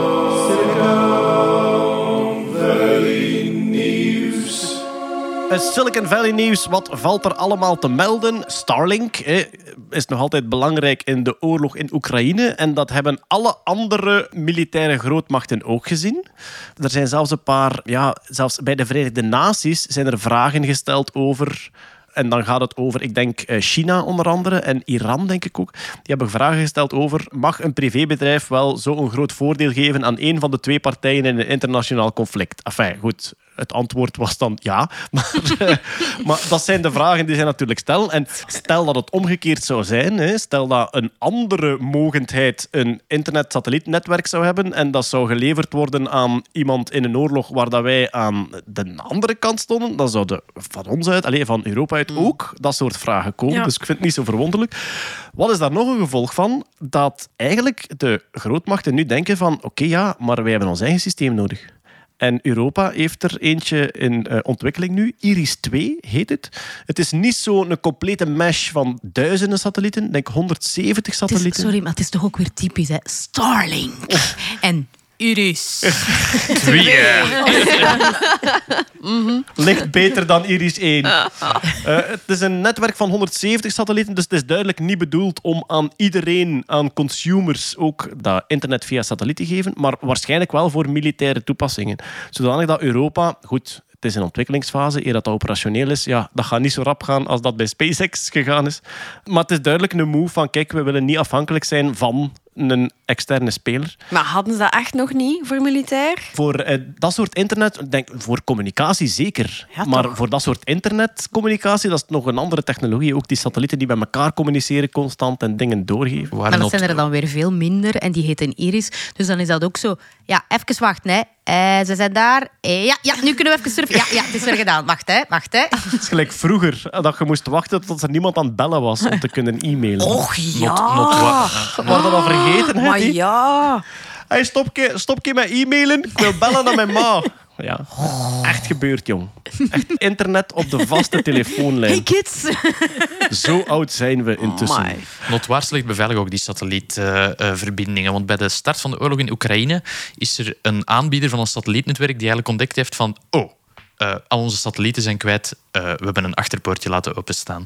Dus dat is een, een nieuwe vorm van, van oorlogsvoering. Over die satelliet- Cyberwar in de ja, ruimte. die satellietnetwerken, die, omdat dat lang gezien wordt als, als het in de ruimte hangt, is het veilig. Niemand gaat zich daarmee bezighouden en eh, die- dat tijdstip zijn we voorbij. Ja. Het Amerikaans leger heeft nu zelfs ook een eigen internet-satellietnetwerk besteld bij SpaceX. Met het idee, dan is het van ons en niet van hen. Want Ah, ja. Musk, Ah, ja. omdat Musk niet de meest stabiele persoon is. Omdat hij nu ook af en toe begint van... Misschien toch vrede met Rusland? Wat denkt u? Een beetje Oekraïne afgeven? Denken ze van... Het is misschien toffer als we dat in eigen handen Star, hebben. Starchink of zo. Allee. Starshield. Starshield. Voilà, zie. Voilà. Inderdaad. Dat zijn, ze, dat zijn ze aan het bouwen voor, het- voor het Maar de tijd weten niet of dat het de laatste Marvel-film is of een... Maar hoeveel satellieten met internet gaan er... Het is, het is Ja, echt op zo... den duur is het daar zo wel een beetje overcrowded. Maar het is echt zo Telenet Proximus. Hè. Overal twee kabels, dan is er concurrentie. En nu zijn er zo ja, eh, 15 internet-satellietnetwerken. En toch moet er dan nog altijd zo'n dikke technieker met een bilspleet komen om dat laatste stuk aan te leggen. Die dan met de, met de Space Shuttle omhoog moet. Ja. ja, eh, ben je thuis volgende week maandag? Tussen 9 en 5. Ja, maar ja. En mogelijk door uw radiator moeten boren. Oké, nog Silicon Valley nieuws. Meta test een betalende Facebook, Jeroen. Dat, Ja, dat is toch echt zo... Het, dat was toch artikel 1 van Facebook. Wij zijn gratis en zullen het altijd blijven. Maar nu hebben ze gezien dat Twitter vinkjes verkoopt en Meta gaan nu ook vinkjes verkopen, maar ze gaan wel checken of dat uw identiteit klopt. Twitter verkoopt vinkjes in de zin van, heb je 8 dollar, dan krijg je een vinkje. Check. En Meta gaat nu verkopen van, ah, zijt je wel degelijk Jani Casaltsis? Ja, Maar- mogen we wel pas zien Maar en dus ja- een vinkje. Het is eerder Ja, bedoeld voor... Jani, Jani kan dat nu al, want dat is een mediafiguur. Ja, maar het dus is voor eerder bedoeld dan. voor, voor influencers die nog net niet bekend genoeg zijn, die toch Oké. hun Instagram of hun Facebook gebruiken als ja, een place of business, als iets heel belangrijk. En dan krijg je toegang tot eerste lijn support. En het is eigenlijk ja, een beetje eh, de... Business account. Nu weten we eindelijk waarom dat die mannetjes in de metaverse voeten hebben gekregen om erin te schieten. Oké, en dan eigenlijk nog maar één Silicon Valley nieuwsje, eh, ruimtevaartnieuwsje. Er is een, een bemande lancering afgebroken. SpaceX-lancering die naar het ISS moest eh, vertrekken. Ja, het wa- het was een bemande lancering vanuit Amerika, SpaceX-lancering. Eh, Vier astronauten, ik denk dat het vorige week was. Ah ja, Vier astronauten die moesten vertrekken. En ja, ze, ze zaten al in de raket. En dan zeiden van ja, probleem met een ontsteking in de startmotor. En ze zijn eruit gehaald, raket leeggetankt. Het is de eerste uitgestelde bemande lancering van SpaceX. Wat daar ook weer voor mij een soort hé was, daar was een Russische astronaut bij. Dus die, die Space Peace is echt ongelooflijk. Als je kijkt naar de hitte en de paranoia in dat conflict. En dan daar lukt dat dan toch om een Russische astronaut op Amerikaanse bodem mee te lanceren naar, naar het ISS. Echt, Vind eh, ik toch nog hoopgevend. Ja. ja, ja, inderdaad. Ja, het is, Maar toch eh, ook een beetje schizofreen, hè? ja, denk, denk, als je nu voor de ruimtevaart werkt, denk dat je niet echt het gezelligste jaar achter de rug hebt. Hè. Want ja, zelfs Europese, ja, de Europese Mars-robot, denk ik, moest ook uitgesteld worden, omdat die van Rusland gelanceerd ging worden. Ook, ja. Awkward als je samen naar het nieuws moet kijken dan. Maar, of als je, als je gewoon die een astronaut zei, allee, of die cosmonaut dan, dat je zegt daar zo de hele tijd zo... Dat is de Igor. De Igor stinkt. ook? We hebben de Igor niet graag. De Igor stinkt. Maar ik weet dat niet. Nee. Oké, dat was het zo'n beetje van eh, Silicon Valley nieuws. We gaan eens kijken wat we nog staan hebben. Ja, een soort heerlijke schoolreis die ik zelf mocht maken de afgelopen maand. Ik ben op bezoek geweest bij Cochlear. We hebben het hier al een paar keer gehad over cochleaire implantaten. Hè? Dus Ja. die eigenlijk, je zet een microfoontje op je hoofd. En dan gaat er ja, een soort draad in uw slakkenhuis zelf. En in plaats van geluid door te geven, geeft hij rechtstreeks de elektrische signalen door. Die dan op uw zenuw gaan. Dus dat is eigenlijk ja, bionisch. Hè? Het is eigenlijk communicatie met de hersenen. Die mensen hadden dat gehoord, dat ik zeer enthousiast was over Het cochleaire zou zijn dat die dat implantaten. gehoord hebben. Dat is een hele business. die hadden dat gehoord voordat de podcast uitkwam. ineens doof zijn Dat vond, ik, dat vond ik straf. Ah, ja. Voor dezelfde avond nog. De podcast was nog niet eens gemonteerd. Zeg, lieve, wil ik eens komen? En die zeiden, kom maar eens langs. En ik ben langs geweest. Ik heb daar een hele rondleiding gehad. Dat was Maar echt... in Mechelen of in het buitenland? In Mechelen, ja, ja, tuurlijk. Ja. Cochlear in Mechelen. Hè. Ze, ze hebben vestigingen over heel de wereld. En één, één grote in Ja, ja. Mechelen, waar heel veel onderzoek gebeurt. Ik heb een goodie bag gehad. Ik heb nu een knuffel cochleair implantaat. Wat dat je zo plushie. Hè. En ik heb ook een volledige, een volledige replica. Dus echt zo met dat bakje met die controller en met dan het... En heb je eh, dan ook een magneet in uw kop gekregen om het er tegen te plakken? Wat ik wel ook mogen doen heb, dat is, ze hebben daar een simulatieschedel waar dat je de operatie mocht doen om het in te planten. En ik heb dat ook mogen doen. Dus ik heb echt zo met een cameraatje. Zo. Dus als iemand hier plots, stel de wereld vergaat en je hoort niet goed en er ligt nog ergens een cochleair implantaat, ik heb lichte ervaring. Ehm, maar ja, die waren, die waren aan het vertellen wat ze allemaal aan het doen waren. En iemand die daar werkt, heeft een cochleair implantaat. Er is een werknemer daar die mee in ontwikkeling zit, die natuurlijk ja, heel veel eerste lijns ervaring heeft. En die was aan het vertellen over wat hij aan het doen is. Wat ik super cool vind, dat is, je kunt die een chip van je cochleair implantaat, kun je ook in plaats van te laten luisteren naar de omgeving, rechtstreeks op Bluetooth aansluiten. Zalig. Dus wat kun je dan doen? Als je zit met je PlayStation te spelen, dus dan gaat het signaal van de PlayStation via Bluetooth naar je chip. Die zet dat om in een elektrisch signaal naar je hersenen. Beste oortjes ter wereld. Ja, ja. Nergens in heel die keten is er echt geluid. Er is nergens een geluidstrilling. Het is een computer die elektrisch communiceert met uw brein. En die mens was aan het vertellen en dan kwam de beste van al. En die zei van ja, ik heb nu ook zo een gratis vertaal-app gedownload op mijn telefoon. Die zat in de taxi in Thailand. Die stelde een vraag aan die chauffeur. Die zet zijn geluid af van zijn kop. Die legt zijn telefoon naast die chauffeur. Die chauffeur spreekt Thais en hij hoort het in het Nederlands. Het is de babelfish. Ja, De babelfish. dus ja. rechtstreeks via Bluetooth, vertaald op uw telefoon, via Bluetooth in uw kop gestuurd en jij hoort de andere taal. Binnenkort zijn wij minder valide. Ah, ja. Dus, eh, ik vind Ah, ja. Dat ze niet bij vertellen als je zo'n Bluetooth-sheet hebt, is dat je, dat je ergens ook een klein, eh, een klein knopje hebt dat je eh, vijf seconden moet induwen om te synchroniseren. Ze zeggen nu niet waar dat ze dat steken, maar dat is, er is een soort van lang potlood Ja. nodig. Ja. Als er dan iemand, als, je, als er iemand een paperclip openplooit en de broek licht laat zakken, dan weten we dat een Bluetooth Ik niet ben nog met mijn auto. Wacht. Maar eh, ja, het was daar, het was daar prachtig. Toch? Cool. Hadden- ze hadden ook zo allerlei nieuwe technieken om via bone conducting geluid door te Ja. geven.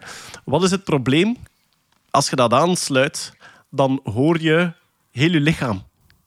Ah, uw is hartslag, uw ademhaling en alles. En nu zoeken ze manieren om te zorgen dat dat niet meer zo is. Hè. Ja. Ja, ja, ja, ja, voilà. Uitfilteren. Ik heb ook iets gelezen over een... eh wat was dan zo aan het rondsurfen op basis daarvan over blijkbaar een ooraandoening. Er- Het kan zijn dat er een extra opening zit ergens tussen uw oor en andere stukken van uw schedel.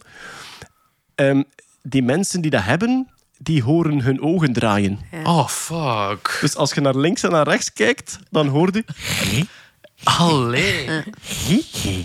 Als ik verenigde migraine heb, heb ik ook het gevoel dat ik dat kan houden. Ja, voilà. Oké, we hebben een overlijdensberichtje. Het gaat hem over Justin Schmidt.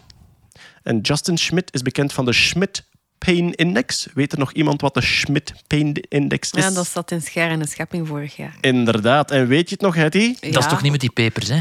Nee, dat is Schofield scale. Nee, dat was van die insecten die zo op een schaal van 1 tot 10 pijn doen of zo. Voilà, ik Ja. heb eh, zijn boek hier. Justin Schmidt is de entomoloog die tijdens zijn onderzoek eigenlijk door redelijk wat verschillende soorten gestoken was. En die op een bepaald moment dacht, fuck it, ik doe ze allemaal. En die is dus de wereld rondgetrokken om zich door zoveel mogelijk insecten te laten steken, zodanig dat hij kon een vergelijkingsschaal opmaken. Hij heeft ze ook allemaal punten gegeven. Kijk, ik heb ze hier, ik heb ze hier nu vast. Hè. Zijn boek heet The Sting of the Wild. Dat is nog altijd ja, het referentiewerk over welke steek doet er nu het meeste pijn. Nu vraag ik me echt af waaraan dit Ja, overleden is. is hè. dat- Het zich laten steken door de neushoorn. Of Nee, nee eh, helaas Parkinson. Oh, minder grappig. Hij Ja. is zelfs niet, hij is zelfs niet heel... allee, Hij is zelfs eh, geen, geen 80 geworden. Ja, ik zou het moeten opzoeken. Maar eh, ja, helaas aan Parkinson overleden. Wat is het prachtige aan zijn werk, is dat hij bij elke steek ook een soort... Ja, Beschrijving. ja, Ja. ja. eigenlijk zo... Zoals een sommelier Eh, Het begint met een beschrijft lichte hij tinteling strijk. of zo. De, de ja. steek, ja. Dus eh, daar gaan we. De Glorious Velvet Ant heet echt zo. En daar eh, eh, twee punten op vier. Hè, dus redelijk pijnlijk al. Ik denk dat onze wesp één eentje is of anderhalf. Ja, anderhalf is onze wesp. Dus het zit daarboven. En daarbij schrijft hij... ehm, Instantaneous, like the surprise of being stabbed. Is this what shrapnel feels like? Dus een, een, een granaatscherf. En dan hier over de Nocturnal Hornet. Rude and insulting. An ember from your campfire is glued to your forearm. Ja, ja, ja. En ja, zo echt allerlei, eh, ja, allerlei dingetjes. Ik zal eens kijken bij de meest pijnlijke steken.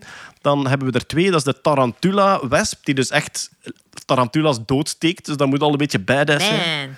Daar staat blinding, fierce, shockingly electric. A running hairdryer has just been dropped into your bubble bath. Ah. En dan de andere met vier punten is de Warrior Wasp. En daar staat torture. You are chained in the flow of an active volcano. Why did I start this list? En dat gaat op vier. Dat is ja, het maximum, hè? Ja, inderdaad. Ja. Man hield ook een beetje te veel van pijn, denk ik. Ja, pas op. Dingetje. er- ik heb er YouTube-interviews mee gezien en die komt zo eigenlijk heel droog, analytisch, sec over. Dat is, ja, het heeft meer Het een moet gevoel... wel als je je laat steken Ja. over je lijstje. Hij had meer een gevoel van iemand moest het doen. Ik denk dat hij ook wel een Ig Nobelprijs eh, gekregen heeft. We deden er op de speelplaats ook vroeger als een soort van uitlagdingetje. Zo steek van de week. Die man had echt een steek van de week. Dat ken ik niet. Nee, is dat Nee, niet? Als, als, als nee. kindjes elkaar uitlachen, dan deden we altijd zo van... Als iemand een opmerking maakte, dan was het van... Ho, ho, ho, steek van de week. Ah, wat dat nu heet... stek. Ja, Ja, burn. ja, Ja, ja, bij ons maar was dat- steken geven, hè? Ja. Ah ja, oké. Een steek, dat was een, een burn. Ja, klopt. Yes, oké, voilà. Kijk, eh, eh, Justin Smith, zijn werk blijft verder leven. Goh, eh, het is lang geleden, maar we gaan er toch nog eens echt een momentje voor maken voor Jeroens dieren- en of kakrubriek. Ja, we zijn er snel door. Want er was wel een en ander, Er was eh, eh, Jeroen. Als je bent een trouw bent Ja. en voor de kerk en je smijt met iets. Wat smijt je als het koppel buiten komt? Rijst. Rijst. Ja, maar dat En mag vaak Waarom, niet meer, waarom mag dat niet meer? Zeg het eens. Niet gezond voor de duiven. Ah, wat doen de duiven daarvan? Dat weet ik Die ontploffen daarvan, Marian. Dat is, dat is, dat is, dat is, de, urban, dat is de urban legend dat die duiven ontploffen omdat die rijst opzwelt in hun buik. Ja, dus droge rijst, duiven, njam, njam, njam, njam, njam, die drinken een beetje water. Pff. Ja, dat is eigenlijk een soort van urban legend dat al lang meegaat. En ornithologen hebben eigenlijk altijd gezegd... Ja, nee man, dat klopt niet. Allee, er is het zaad dat die duiven normaal eten, zwelt even hard op. Daar is geen bewijs van. En nu is het eindelijk getest geweest. eh, namelijk door een leerkracht in een klas die heeft gezegd van... In de Oh biologieles, we're gonna have some fun. Ze gaan dat eerst- hier eens empirisch aanpakken, ze hebben eerst in schaaltjes bestudeerd van, oké, kijk, eh, jasmijnrijst, we doen daar water bij. Hoeveel volume komt daarbij? Bruine rijst zet het meest uit, tot 60% van zijn originele volume. Zonder koken, Ja, gewoon en, koud. en eh, op basis daarvan konden ze eigenlijk door gewoon vogelzaad te vergelijken met die rijst, konden ze eigenlijk al zeggen van kijk, dat vogelzaad doet in water exact hetzelfde als die rijst. Dus er is geen reden waarom dat die rijst duiven zouden ontploffen. En dan hebben er toch een paar studenten gezegd van ja maar, ja, maar meester, we willen dat nu echt testen met duiven. Toch een Mogen- extra stap een mogen, keer zetten. Mogen we please? En dan hebben ze tien duiven getest en vijf duiven vogelzaad gegeven en eh, de andere vijf duiven eh, rijst. En geen enkele van de vogels is ontploft. Tot teleurstelling van Nee. het klasje. No birds showed any sign of distress. The flock continued to feed on rice for the rest of the day without a problem. Dus kijk, het is aangetoond. Het is. Duiven ontploffen niet na het eten van rijst. Ik heb het direct opgestuurd naar eh, Mark Abrahams van de Ig Nobelprijzen. Want ja, het, het is wel dat soort onderzoek. En eh, ja, het deed mij onmiddellijk denken aan het prachtige nummer Poisoning Pigeons in the Park van Tom Lehrer. Ik weet niet of je Tom Lehrer kent. Nee. Tom Lehrer was ooit een wiskunde-leerkracht eh, aan Harvard, denk ik. En die speelde heel graag eh, piano. En die speelde bestaande melodietjes, maar zette daar een eigen tekst op. En hij heeft veel wetenschappelijke dingetjes. Ah, je kent hem misschien van de tabel van Mendeleev. Ja. There's arsenic, selenicum, dan heb je En Ja. zo heel de tabel van Mendeleev op rijm gezongen. Hij heeft ook het nummer That's Mathematics. Heel tof nummertje. Hij heeft het romantische nummer There's a delta for every epsilon Oh. waar is. En hij heeft ook een nummer Poisoning Pigeons in the Park. En dat gaat over ehm, zijn favoriete hobby in de lente. Poisoning pigeons in the park. And maybe we'll do in a squirrel or two while we're poisoning pigeons in the park. All the world seems in tune on a spring afternoon when we're poisoning pigeons in the park. Every Sunday you'll see my sweetheart and me as we poison the pigeons in the park. When they see us coming, the birdies all try and hide. But they still go for peanuts when coated with a cyanide. The sun's shining bright, everything seems alright when we're poisoning pigeons in the park. En ik was dat aan het opzoeken, dat nummer. Wat blijkt, Tom Lehrer die leeft nog, die is eind de 90. Die heeft al zijn liedjes in het public domain verklaard. Die zei van, eh, jongens, het is goed, ehm, eh, ik heb mijn centen, kan je niet lang niet meer zijn. Vanaf nu mogen je alles van mij gebruiken wanneer en waar dat je het wil. Als je surft naar tomlerer.com, Lehrer is L-E-H-R-E-R, tomlerer.com, dan staat daar eerst een brief waarin hij formeel afstand doet van al zijn rechten. En dan zegt hij, hier zijn al mijn nummers, download ze maar en doe ermee wat je wil. Ik zou je dat aanraden en dus Poisoning Pigeons in the Park staat Sinds eh, begin hoog. dit jaar zijn Bambi en Winnie de Pooh, de originele verhalen, ook in het publiek domein. En er zijn nu al verschillende producties, waaronder een Bambi horrorfilm, namelijk Bambi the Revenge. Eh, dus ja, dat kan nu allemaal. Ook Maar ik Winnie heb de ook Pooh. een, Poe-horrorfilm Ja. gezien. Ja, dat kan nu. ja. Het is dan mee. Ik dacht al van, dat vind ik nu toch raar. Disney is toch wel raar kanten op aan het draaien. Ja, Musk heeft Disney, Disney gekocht. eh, Ja, waarschijnlijk, ja. Nog dierennieuwsjes. Een gibbon in een Japanse zoo. Mijn favoriete verhaal deze Ja, maand. wel. Die, die, dat wa- die, was, die was in 2021... Heeft hij opeens een kindje gekregen, die gibbon. Het was eh, Momo in de Kuyukushima Zoo in Japan. Eh, een zeer populaire zoo. En daar is een withandgibbon. En die had Momo, die krijgt een kindje in 2021. Je denkt, so far so good. Wat bleek? Ja, die Momo die was nooit in de buurt van een mannetje geweest. Die leefde al de hele tijd in isolatie. Ze het was een dus- klein aapje. Ze hadden het niet een kindje gegeven. Nee, nee, nee. nee, nee, nee, hey, Jangui was nergens in de buurt. Niemand had een baby aan een aap. Nee, dit, die, die, die, heeft een, ja. die heeft een babygibbon gebaard. En ja, niemand snapte hoe is dat, dat beest zwanger geraakt. Een vrouwelijke aap alleen in een kooi die opeens zwanger is. Ja. ja. En nu, dankzij DNA-onderzoek... Na een paar beschuldigende blikken naar de verzorgers. Ja, absoluut. DNA-onderzoek bij de apen in de zoo, om te beginnen, eh, hebben ze gevonden dat ze zwanger geraakt is van Ron, een 34 jaar oude zwart handgibbon, dus een wit, wit handgibbon en een zwart, hand, zwart handgibbon, krijgen samen een kindje. Maar ja, hoe kan die Ron... Reeshandgibboontje. Oh, de zebrahandgibbons. Hoe kan die Ron in godsnaam bij dat vrouwtje geraakt zijn? Want die hebben nooit in dezelfde kooi gezeten. Wat blijkt? Die apenkooi die heeft een soort van display area. Een, een, een eh, stukje kooi waar dat ze die apen soms een paar uur inzetten, zodat ze dichter tegen het publiek staan en de mensen ook iets zien. Het kan zijn dat in die display area dat er twee apen in zitten, maar die zijn gescheiden door een wand. Wat bleek? In die wand zat een gatje. Ja, een rond gatje van 8 mm doorsnede. Kom. Dat is wel heel klein. En er zijn, geen, er zijn geen bewakingsbeelden. Er zijn geen... Maar dat publiek zat erop te zien. Ja, er moet, er moet dus op een bepaald moment moet, eh, moet de andere aap, Ito, heb ik rond gezegd? Nee, Ito, heeft Momo bevrucht door een 8 mm glory hole. Iemand moet het In- toch gefilmd hebben. Ja, Het is in Japan, kom aan. Bij deze een oproep aan onze Japanse luisteraars.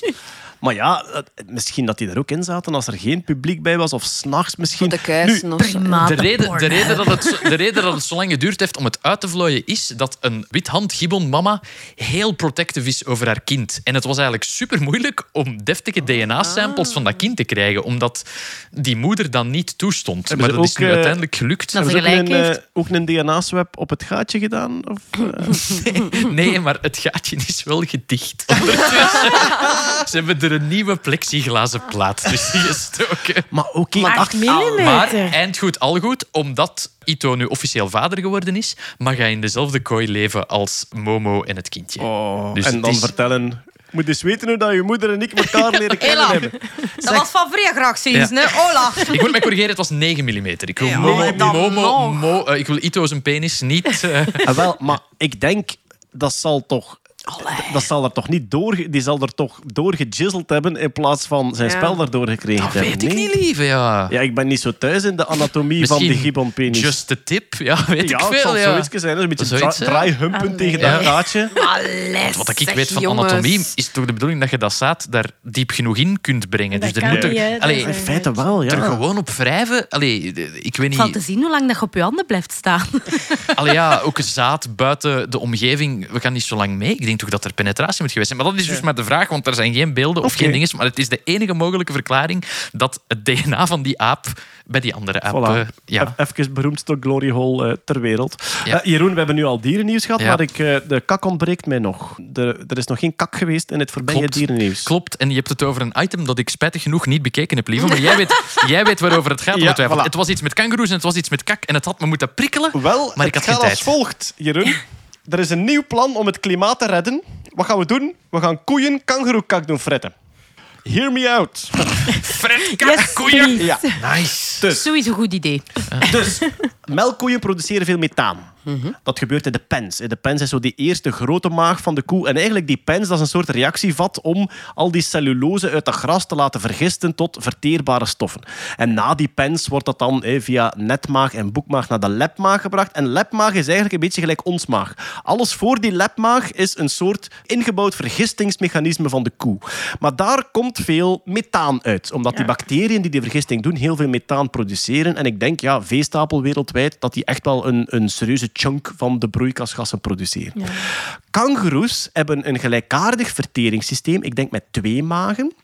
Maar die hebben een andere bacteriebevolking om die cellulose om te zetten, die geen methaan produceert. Mo.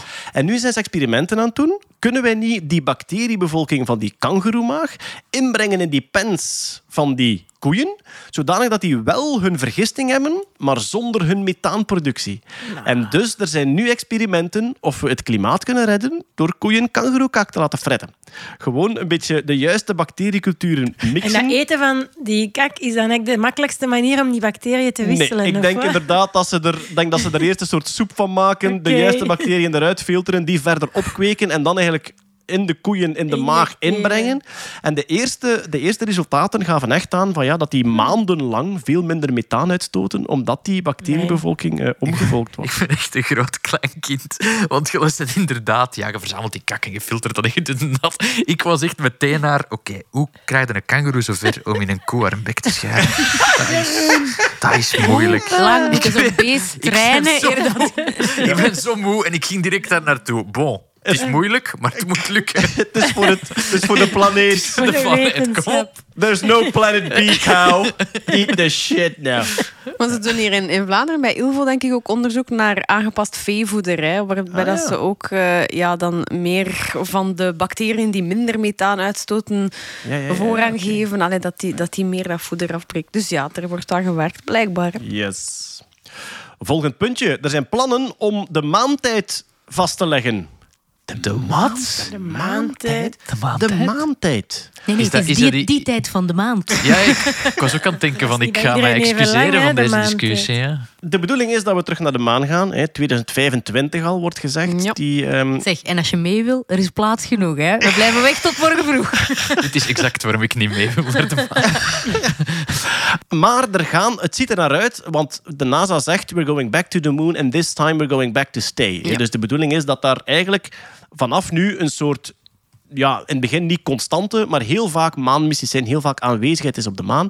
En er wordt dan nagedacht over, er gaan waarschijnlijk momenten komen dat er meerdere missies tegelijk op verschillende plaatsen van de maan staan. Die communiceren met elkaar en die moeten hun tijd synchroniseren. Op zich, hoe doet een maanmissie dat vandaag? Heel simpel, die bellen naar de aarde en die vragen hoe laat is het. Bij wijze van spreken. Hè. Dus je hebt, je hebt de universal time op de aarde en die wordt constant gecommuniceerd met de maan. Er is een probleem. De tijd gaat sneller op de maan. Tum, tum, tum. Maar een heel klein beetje. Inderdaad, door de relativiteitstheorie.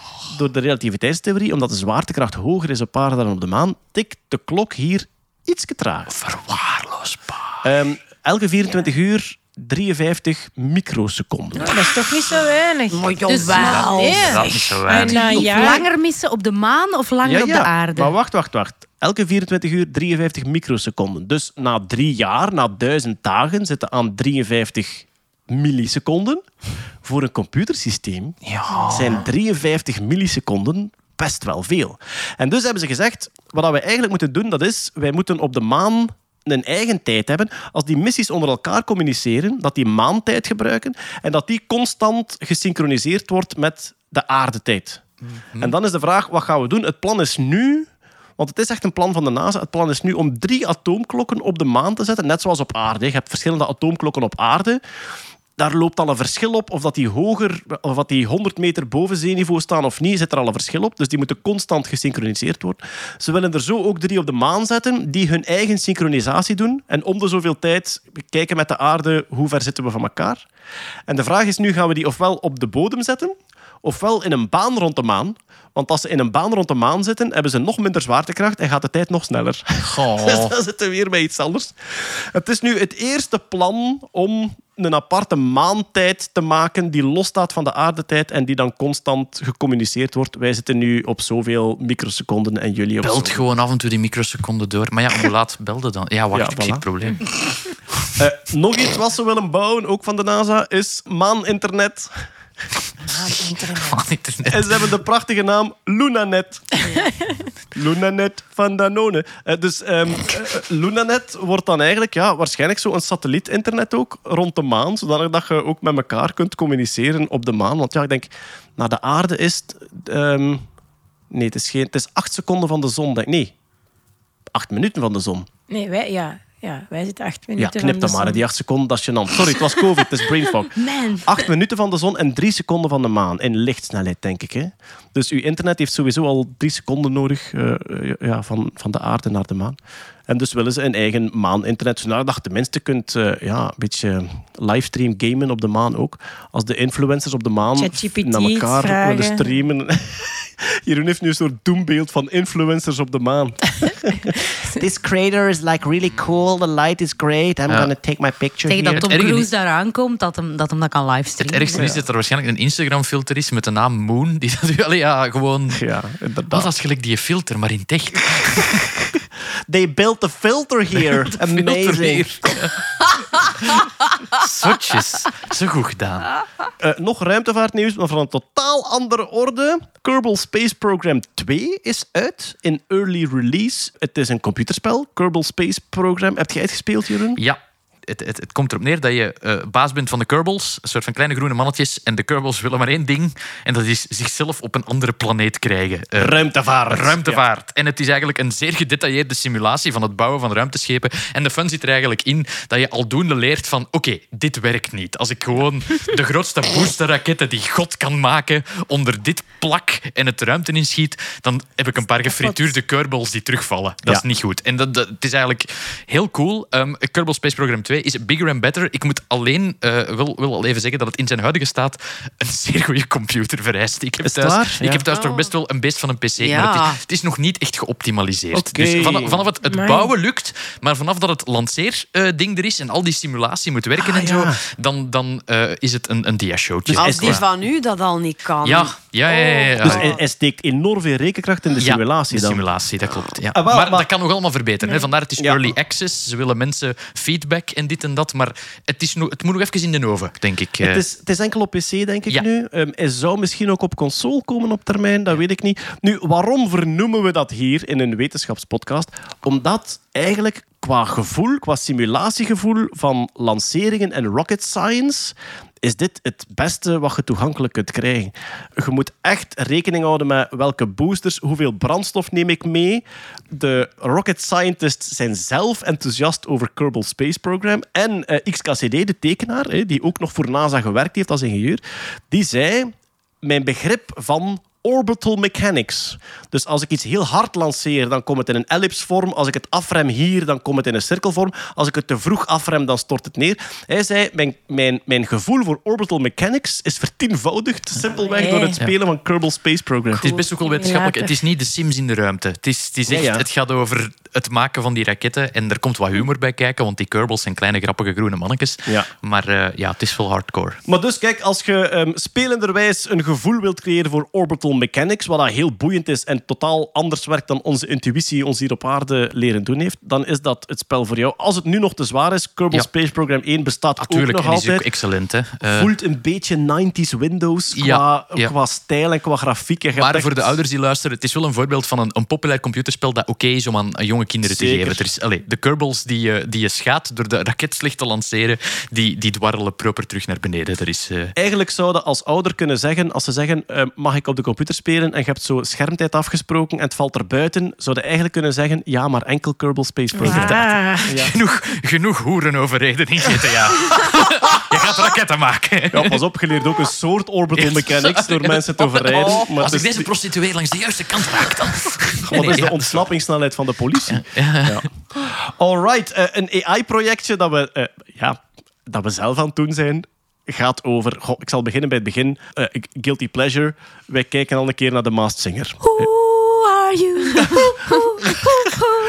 Dus eh, ik heb kinderen, dus ik kan er niet van uit. Hè. Ik zit altijd eh mee te Ja, kijken dat is naar niet de- door die kinderen. Laat me dan een keer rationaliseren, alstublieft. We hebben ook kinderen en die moeten vroeger in bed zodat we kunnen kijken naar de macht zingen. Ik heb geen kinderen en ik kijk voor Jens en Donker. Ah, Ja, voilà. Wij hebben, wij hebben zelfs, we gaan het eh, maar toegeven, een WhatsApp-groepje binnen Nerdland, waarin dat wij dan, wat dat is het tofste, zeggen van, dat is een ding, dat kan niet, jawel, luistert naar de manier waarop die de S uitspreekt in het filmpje, enzovoort. Eigenlijk al twee jaar lang zeg ik af en toe in die WhatsApp-groep, zeg, zou een AI-systeem dat hier niet kunnen zien? Zou een AI-systeem geen zangstem kunnen vergelijken met een spraakstem? En dan eigenlijk zien wat dat... Ja, het is patroonherkenning. Hè? Dus Ja. je kunt misschien ook in die sinusvorm van, van een stem, dat stemtimbre... Enfin, ik dacht, het is een beetje longshot, maar misschien kan het. Ik heb dat af en toe een keer laten vallen tegen AI-wetenschappers. En die zeiden allemaal, klinkt tof, maar veel werk. zeiden die allemaal. En ehm, nu kwam ik onlangs de mensen tegen van Radix. En Radix is dus een AI-bedrijf in Brussel. Ja, ik denk dat die heel typisch zo de AI-oplossingen bieden aan bedrijven die daar zelf eh, de, de know-how niet voor hebben. En ik zei tegen hen, zeg, een idee dat ik zo af en toe al een keer geopperd heb. En ik dacht, ik probeer nog maar een keer. En En die waren juist een beetje zotter dan alle anderen. Dus Inderdaad. En wat zeiden die? We gaan een keer iets in elkaar steken. En die zijn begonnen met eerste testjes en dan echt zo, ja, stem. Het gaat hem echt over specifieke frequenties gaan zoeken in die stemgeluiden en die dan te vergelijken met patronen van anderen. En na een tijdje zei ja, ik denk als ze in het begin geweten hadden hoeveel werk dat erin ging kruipen, dat ze mij wandelen gestuurd Ze hadden. zijn invested nu. We Ja, hebben ze. maar er is een soort, er is een soort ehm, eagerness ontstaan eh, die ik nu met hem deel. En dat gaat dan echt over eh, zoeken naar stemfragmenten van ja, maar wie heeft er ooit een interview gegeven zonder achtergrondgeluid dat we kunnen vergelijken. En dus nu zijn we eigenlijk bezig met heel veel van onze verdachten daar een gesproken interview van te zoeken, dat te vergelijken met die zangstem en hem dan te laten zien, komt dat hier overeen of niet? Dat is de, de, de beperking van het systeem nu. Het is niet een soort van machine die het internet afspeurt op de stem en dan zegt van het is die stem. Nee. Nee, dat gaat niet. Je moet er op voorhand een hoop verdachten invoeren met clean audiofragmenten van die Ja. verdachten uit het nieuws, van de radio, dat is weet ik nog veel. leuker. Ja, ja. Want dan soms dan zegt, dan heb je alles erin gestoken wat je denkt dat kan zijn. En dan zegt hem, ja, hij is toch nog niet altijd helemaal zeker. En dan kan de enige juiste antwoord zijn, hij zit er nog niet tussen. Nee. En wel, maar wat blijkt... Ja, dat ding maakt dan een ranglijst. Hè. Die gaat gewoon eigenlijk wiskundig gaan vergelijken van... Kijk, van uw 30 verdachten is dit de ranglijst die ik maak. En eh, wat is onze ervaring tot nu toe? Die ranglijst die verspringt week na week. Dus je hebt week 1 en dan zegt hij... Goh, ik geef nu deze top 3 voor die stem. En dan zingt hij de week erop weer. En dan geeft hij een andere top 3. En dan door ze samen te voegen krijg je weer een andere top 3. En goh, onze ervaringen tot nu toe zijn... Het systeem is redelijk goed, maar niet feilloos. En we hebben ook een beetje, enfin, we hebben ook een beetje de afspraak met onszelf. Een keer dat het werkt, gaan we het stilleggen, want dan is het niet tof meer. Hè? Dus het is absoluut niet de bedoeling om te gaan zeggen van kijk, hier hebben we ze alle namen. Het is gewoon echt de zoektocht naar... Radix in Nerdland, pretbedervers. Ja, inderdaad. Ja. Nee, Het systeem dat daar Timmy Simons kan uithalen, dat... Ja, dat- sorry. maar- Ja. Hij moet eerst tussen de verdachten staan. Ja, ja, en hoe- dat maar was dat het was, probleem. Dat was, dat was ons probleem van de voorbije weken. Timmy Simons stond er niet tussen. Ik denk Mark Koeken en Herman Verbrugge stonden ook niet tussen de verdachten. Nee. Wat ik wel heel straf vind, is dat hij een zangstem kan herkennen aan de hand van een spreekstem. Ja. Want allee, ik ben nu echt wel... Allee, ik heb getrainde oren. En iemand die zingt en diezelfde persoon die spreekt, dat klinkt toch echt wel... Voor mijn oren klinkt dat echt heel anders. Dat klopt. En ehm, de reden is dat je gewoon van, niet van iedereen zangfragmenten hebt. Het zou gemakkelijker zijn als Ja, je van al je verdachten een zangfragment had. Maar dat heb je gewoon niet. Ja, ik mag Dus- thuis ook niet zingen van Els. Dus ja, dat... Cosmos zal dus onder de radar blijven. Niet zonder je zeepompakje aan, Hetty. Maar ja, in een, in een stem... Ik weet niet of je zoal de sinusvormen van, van verschillende muziekinstrumenten gezien hebt. Want ja, eigenlijk een piano of een hobo of een saxofoon die een perfecte la speelt, dat is dezelfde frequentie. Dat is gewoon 440 keer per seconde gaat dat ding op en neer. Maar als je kijkt naar die sinusvorm, heeft dat zo wat een grillige vorm. Alle. Daar zit zo wat uit- uitsteekseltjes in. Ja. En die maken die typische klank. En in een stem zit, zit dat ook. En via de prachtige Fourier-analyse kan je die daar een beetje uithalen. En dus zo zit er blijkbaar toch een fingerprint in een zangstem die op een manier ook terug te vinden is in de spreekstem, want hij vindt wel statistische linken. Ja, hij ziet, hij ziet zowel van dat wel, dat niet. Ja. Ik zou echt heel, heel, heel graag hebben, lieven, dat jij daar een keer zou inzitten. In zo'n pak. Ik heb al zoveel aan uw stem geluisterd en ik vraag me zo hard af of dat ik u zou herkennen. Champignon. We hebben een, we Hey, hebben, ik zing beter dan champignon, hè, het die Mortal, alstublieft. we hebben een paar eh, podcasts geleden hebben we het ook over een systeem gehad dat synthetische stemmen kon detecteren. En dat deed dat door terug te rekenen. Luisterde naar een audiofragment van een eh, stem en probeerde dan de 3D-reconstructie van de keelholten in het strottenhoofd te doen. En als dat anatomisch niet klopte, als dat bij, bij wijze van spreken een PVC-buis van drie meter lang was, dan kon dat weten dat is een synthetische stem. En ik vraag me af of dat je aan de hand van een zangstem en een praatstem op hetzelfde 3D-model van strottenhoofd en keelholten uitkomt. Daar zou je het mee kunnen Dus dan matchen. moeten we alleen heel bekend Vlaanderen een keer in zijn strottenhoofd kijken. we zijn er bijna, jongens. Heel- een hele gekke encoder. Ja. Anouk Maton, geen vragen stellen, ik moet uw strottenhoofd mee. Moeilijk. Alright. Ja, we hebben nog een beetje AI en stemgeluid. Want er is een toepassing waarbij dat je... Hoe werkt het, Jeroen? Je moet gewoon een... Jawel, ik heb het eigenlijk gevonden door... Het was een rage op 4chan. En dingen die een rage zijn op 4chan zijn meestal niet echt om een voorbeeld aan te nemen. Eh, het is een soort van online tool waarbij dat je drie tot vijf minuten tekst zo clean mogelijk opgenomen van iemand invoert. En dan krijg je een digitale kloon van die stem die iets nieuw kan laten zeggen in het Engels. Dat is de limiet. Hoe is dat op 4chan populair gemaakt? Ja, natuurlijk mensen die zeer zot zijn van bepaalde actrices of bepaalde modellen, daar vijf minuten clean audio van invoeren Ja. en die vervolgens eh, ja, sexy dingen laten Oh, zeggen en zo. nee. Dus, ja. Ik, Maar ik wist dacht... dat het Ja, weer ja. iets vrouwenvriendelijk ging zijn. Ja, ja, natuurlijk. 4chan, dan hoor ik het al gebeuren. Hè. Maar Jeroen heeft zich geamuseerd. ik heb me geamuseerd. ik vind dat lieve een hele sexy stem. Nee, is niet waar. Maar Ja, ik, ik lap, dacht dus wat wel... heb je me allemaal laten zeggen? Ik dacht, dus, Oh ja! ik dacht dus wel van, wat als ik nu van lieve, want het werkt alleen in het Engels. Dat is een mooie grafische kaart die je daar hebt, grote jongen. Ik had, het, ik had het eerst met Nederlandse tekst van Lieve geprobeerd, maar dan zei ik dat de Ik zie limiet... dat jij nog een beetje koelpasta nodig hebt. Alsjeblieft. Stop het.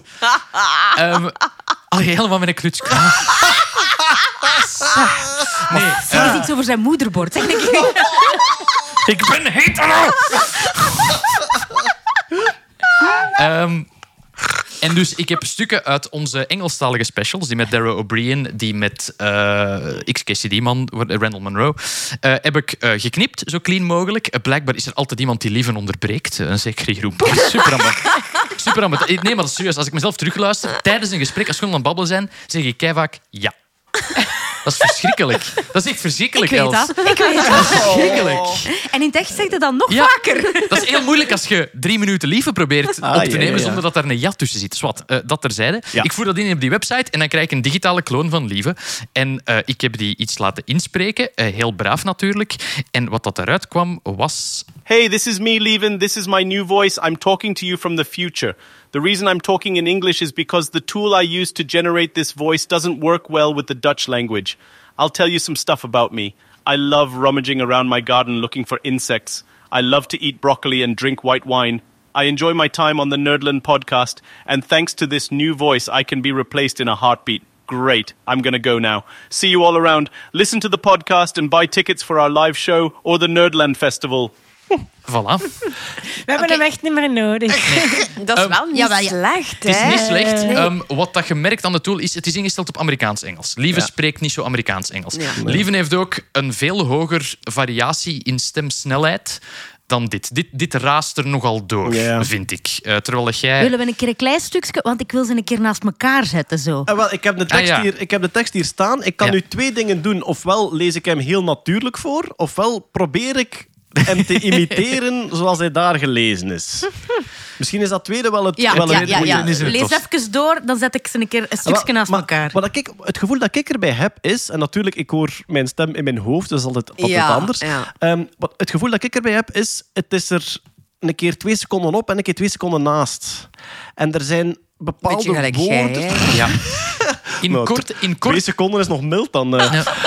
Er zijn bepaalde woorden, zoals generate. Hij zegt Ja. daar, the tool I use to generate. En die generate klinkt dan helemaal als mijn stem. Ja. En dan andere stukken zin De zijn ernaast. Great klinkt ook zoals u. Oké. Eh, ik heb mijn eigen stem natuurlijk ook gekloond. Eh, dit is Eleven Labs trouwens. Het kost u 5 dollar voor de eerste maand. Ik heb het natuurlijk gecanceld na de eerste maand, want ik had genoeg. Eh, dit ben ik die daar een, een bekend liedje ten berde brengt. Yo, I'll tell you what I want, what I really, really want. So tell me what you want, what you really, really want. I'll tell you what I want, what I really, really want.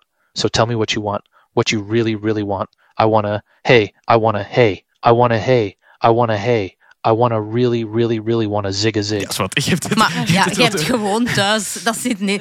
Dan kan ik hem als Spice Nee. Dat, is, dat, dat is dus heel duidelijk. Dit is nieuwe tekst. Hè. Ik heb dit niet ingelezen. Ik heb ook gewoon van mij eh, uit een. Engelstalige podcast stukjes geknipt en dat ding gesproken. Het is opvallend hoe snel het werkt. Je, je uploadt die dingetjes en op een waar. minuut heb jij een... eh, En ze hebben aan vijf minuten genoeg. De Ik tool, vind dat echt niet slecht. de tool zegt zelf, meer dan vijf minuten is, is nutteloos materiaal. Maar, nu- wat dat wel ik wil belangrijk ze is... eens even Ja, elkaar. ja. Ik wil ze eerst even naast elkaar horen. Laat, laat eens de AI horen De, eerst. de AI-lieven, hè.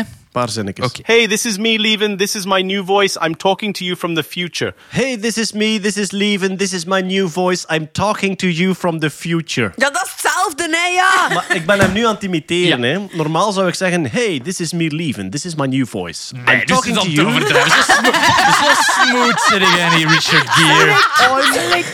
I'm talking to you from the bloody future. Ongelooflijk. Opeens was dat... Hey, dit is lieve. Lieve, this is my new voice.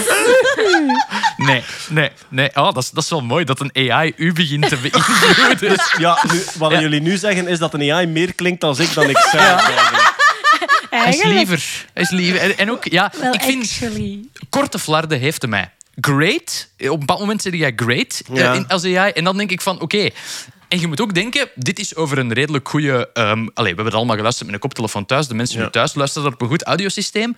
Denk eraan, als je dit afspeelt over een telefoon... om malicious dingen mee te doen, is het wel Ja. goed genoeg. Hè? In, Ja, ja. in Amerika zijn er bepaalde banken die Ja, uw stem gebruiken als verificatie om uw bankrekening te In checken. Groot-Brittannië Niet alleen ook, in ja. Amerika. Ah, niet alleen- Hier als je soms belt naar de, de, de helpdesk van KBC of zo, dan zeggen ze, eh, ja, kun je dan even instemmen met dit, zodat we dat in gang zetten? En dan moet je zeggen, ja, ik stem in. En dan hebben ze dat op band staan. Dat is misschien en een dan... ander. Maar ja, vergelijk eens dan echt uw stem. Want bijvoorbeeld Vice is erin geslaagd Nee, nee, om met dat een... is dan een- het, het bewijs dat je hebt Ah, ja. ingestemd. Maar ja, Maar, eh, Vice is erin geslaagd om met een synthetische kloon van iemand zijn stem eh, bankverrichtingen te kunnen doen aan de telefoon. Eigenlijk, het gaat als volgt. De bank vraagt dan... Dus de, de chatbot van de bank zegt... Could you please repeat, my, my voice is my password. En je hebt die zin al een keer of vijf ingelezen. En dus als jij zegt, my voice is my password, dan gaat die via... Oh, blijkbaar zijn er AI-systemen die stemmen kunnen vergelijken en zien wat dat dezelfde zijn. Dat is iets heel gek. heel, heel zot. Je moet niet zingen. Um, could you please put on a lion's mask and sing this? ik, zie me er al, ik zie me er al tegen de Fortis. I'll tell you what I want, what I really, really want. I wanna, I wanna, I wanna check my balance. I wanna do een overschrijvingsgezicht. Oh. Maar dus, ja, die, die, die kerel van Vice had dus zijn stem synthetisch nagemaakt met Eleven Labs, wat je kunt doen van iedereen Ja. die online eh, stemgeluid te vinden heeft. Ja, we gaan alle podcasts moeten we Ja, zeggen. ja, het- maar het- ja, Iemand, iemand zei ook meteen op, op het Twitter-ding is van... Ja, die hebben uw stem nu. Hè. Ik zeg van ja, maar er staat wat, hoeveel uur podcastmateriaal Ah ja, van ons hey, online? vrienden, ik heb dat allemaal in multisporen. Hè. En ik ben om te kopen. Hè. Dat zegt, dat zegt een tool ook. Kwantiteit van de samples dat je aanlevert is niet belangrijk. Vooral kwaliteit. Ah, oké. Ah, ja. Want mijn stem heb ik bijvoorbeeld ook eens geprobeerd met gewoon in een microfoon van mijn laptop in te spreken. Ja. En dat was duidelijk minder goed. Ja, Dan krijg je er een, een verlaptopte stem uit. Maar hier met professioneel materiaal en professionele technische begeleiding komt... Allee, wij hebben heel goede opnames van onze stem. En is het echt, ja... Is het We're goed? doomed. We're En doomed. iedereen maar podcasts Lap. oppakken. Wat een beter ons microfoons van de eerste aflevering gehouden. Ja, en je kunt, die, je kunt die dus live... Je kunt die dus live nieuwe dingen laten zeggen. Hè? Lieve, wat is het volgende dat je ging zeggen? Of het volgende eh, onderwerp dat je ging aankondigen? Ah, ik ging zeggen, dat waren al onze reguliere onderwerpen voor vandaag. Those were all our regular topics for today. And then it is now time for Bekke Flemlish. de mag- Recalls. Recalls. Voilà, we gaan dat laten genereren en afspelen. Those were all our regular topics for today. And then it is now time for recalls. Het feit dat zo plug allee, dat zo Ja, op, eh, ik, ik wou even de, de snelheid demonstreren. ja, dat, is inderdaad allee, wel... eh, ja. Maar het- je hoort, het klinkt nog wel robotisch. Ja. Zo, hè? Ja, Tuurlijk, ja. Mijn speakers Maar zijn ook niet de beste. ook altijd wel een klein. Het gemak, hè, Ort. De robot. Hé, maar dat is, en kun je dat inbouwen in je telefoon? Dat als uw vrouw vraagt van, zeg nog eens iets lief, dat je gewoon toek zegt. Ja. Dat die... Ah, wel, en dan doet hij dat met dat ding van, van Hetty. Dan maakt een tekstje en dan moet hij dat gewoon ook voorlezen. Ah. ChatGPT maakt een tekst. Oh, top, jongens. De chatbot aan de telefoon. Ja, we zijn eruit. Oké, voilà. Maar kijk, eh, dit waren al onze reguliere onderwerpen. We hebben wel nog een paar dingetjes staan. Onder andere recalls, dingen die we eh, vorige keer verteld hebben, waar reactie op gekomen is. We hadden het over DetectGPT, eh, dus die software waarmee dat je kan eh, detecteren of iets door AI geschreven is of niet. Ik heb er een paar getest de voorbije maand. En zeker voor het Nederlands echt nog niet. Echt nog niet trefzeker.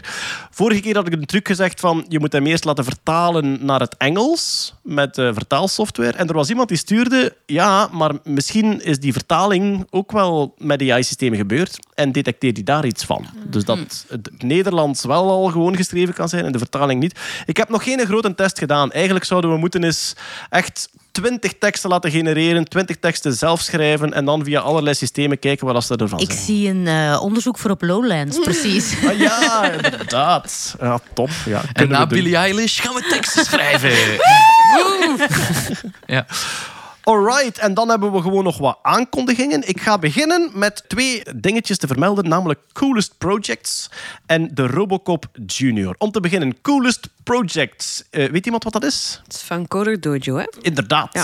Ja. Het is eigenlijk, ja, Code Dojo is ja, een beetje een eh, programmeerclub voor kinderen en jongeren. Het is zo binnen jeugdbeweging waar dat je dan leert coden hè, op, een, op een speelse manier. Ik denk dat dat maandelijks is, meestal in eh, de, de grote steden in, in België hebben meestal een Code Dojo. Maar zij hebben ook een Coolest Projects dat ze elk jaar doen in Technopolis of Technopolis. Ik weet niet, Techno, Technopolis of... Technopolis, volgens Ja, ja. Technopolis. Ik weet dat, de, ik weet dat de, de vorige directeur was er hypergevoelig aan Ja. en de huidige niet Totaal meer, denk niet, ik. Dus nee. nu is het Technopolis.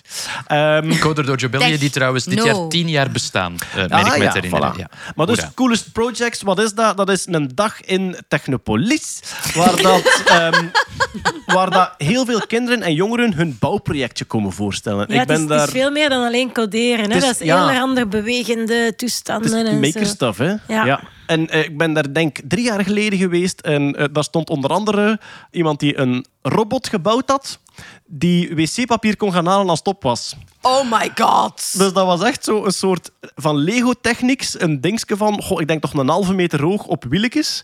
En dan had hij daar echt dingen in geprogrammeerd en dan een lijn op de grond getekend. En als je start duwde, dan reed hij eigenlijk naar de keuken. Ja, maar bij ons staat dat beneden. Ah ja, maar dan moet je trapje dingen... Maar ja, ik moet je heb, trapje eh, doen. Maar ik heb een ro- robot die zelfs een PhD heeft die voor mij het wc-papier gaat halen.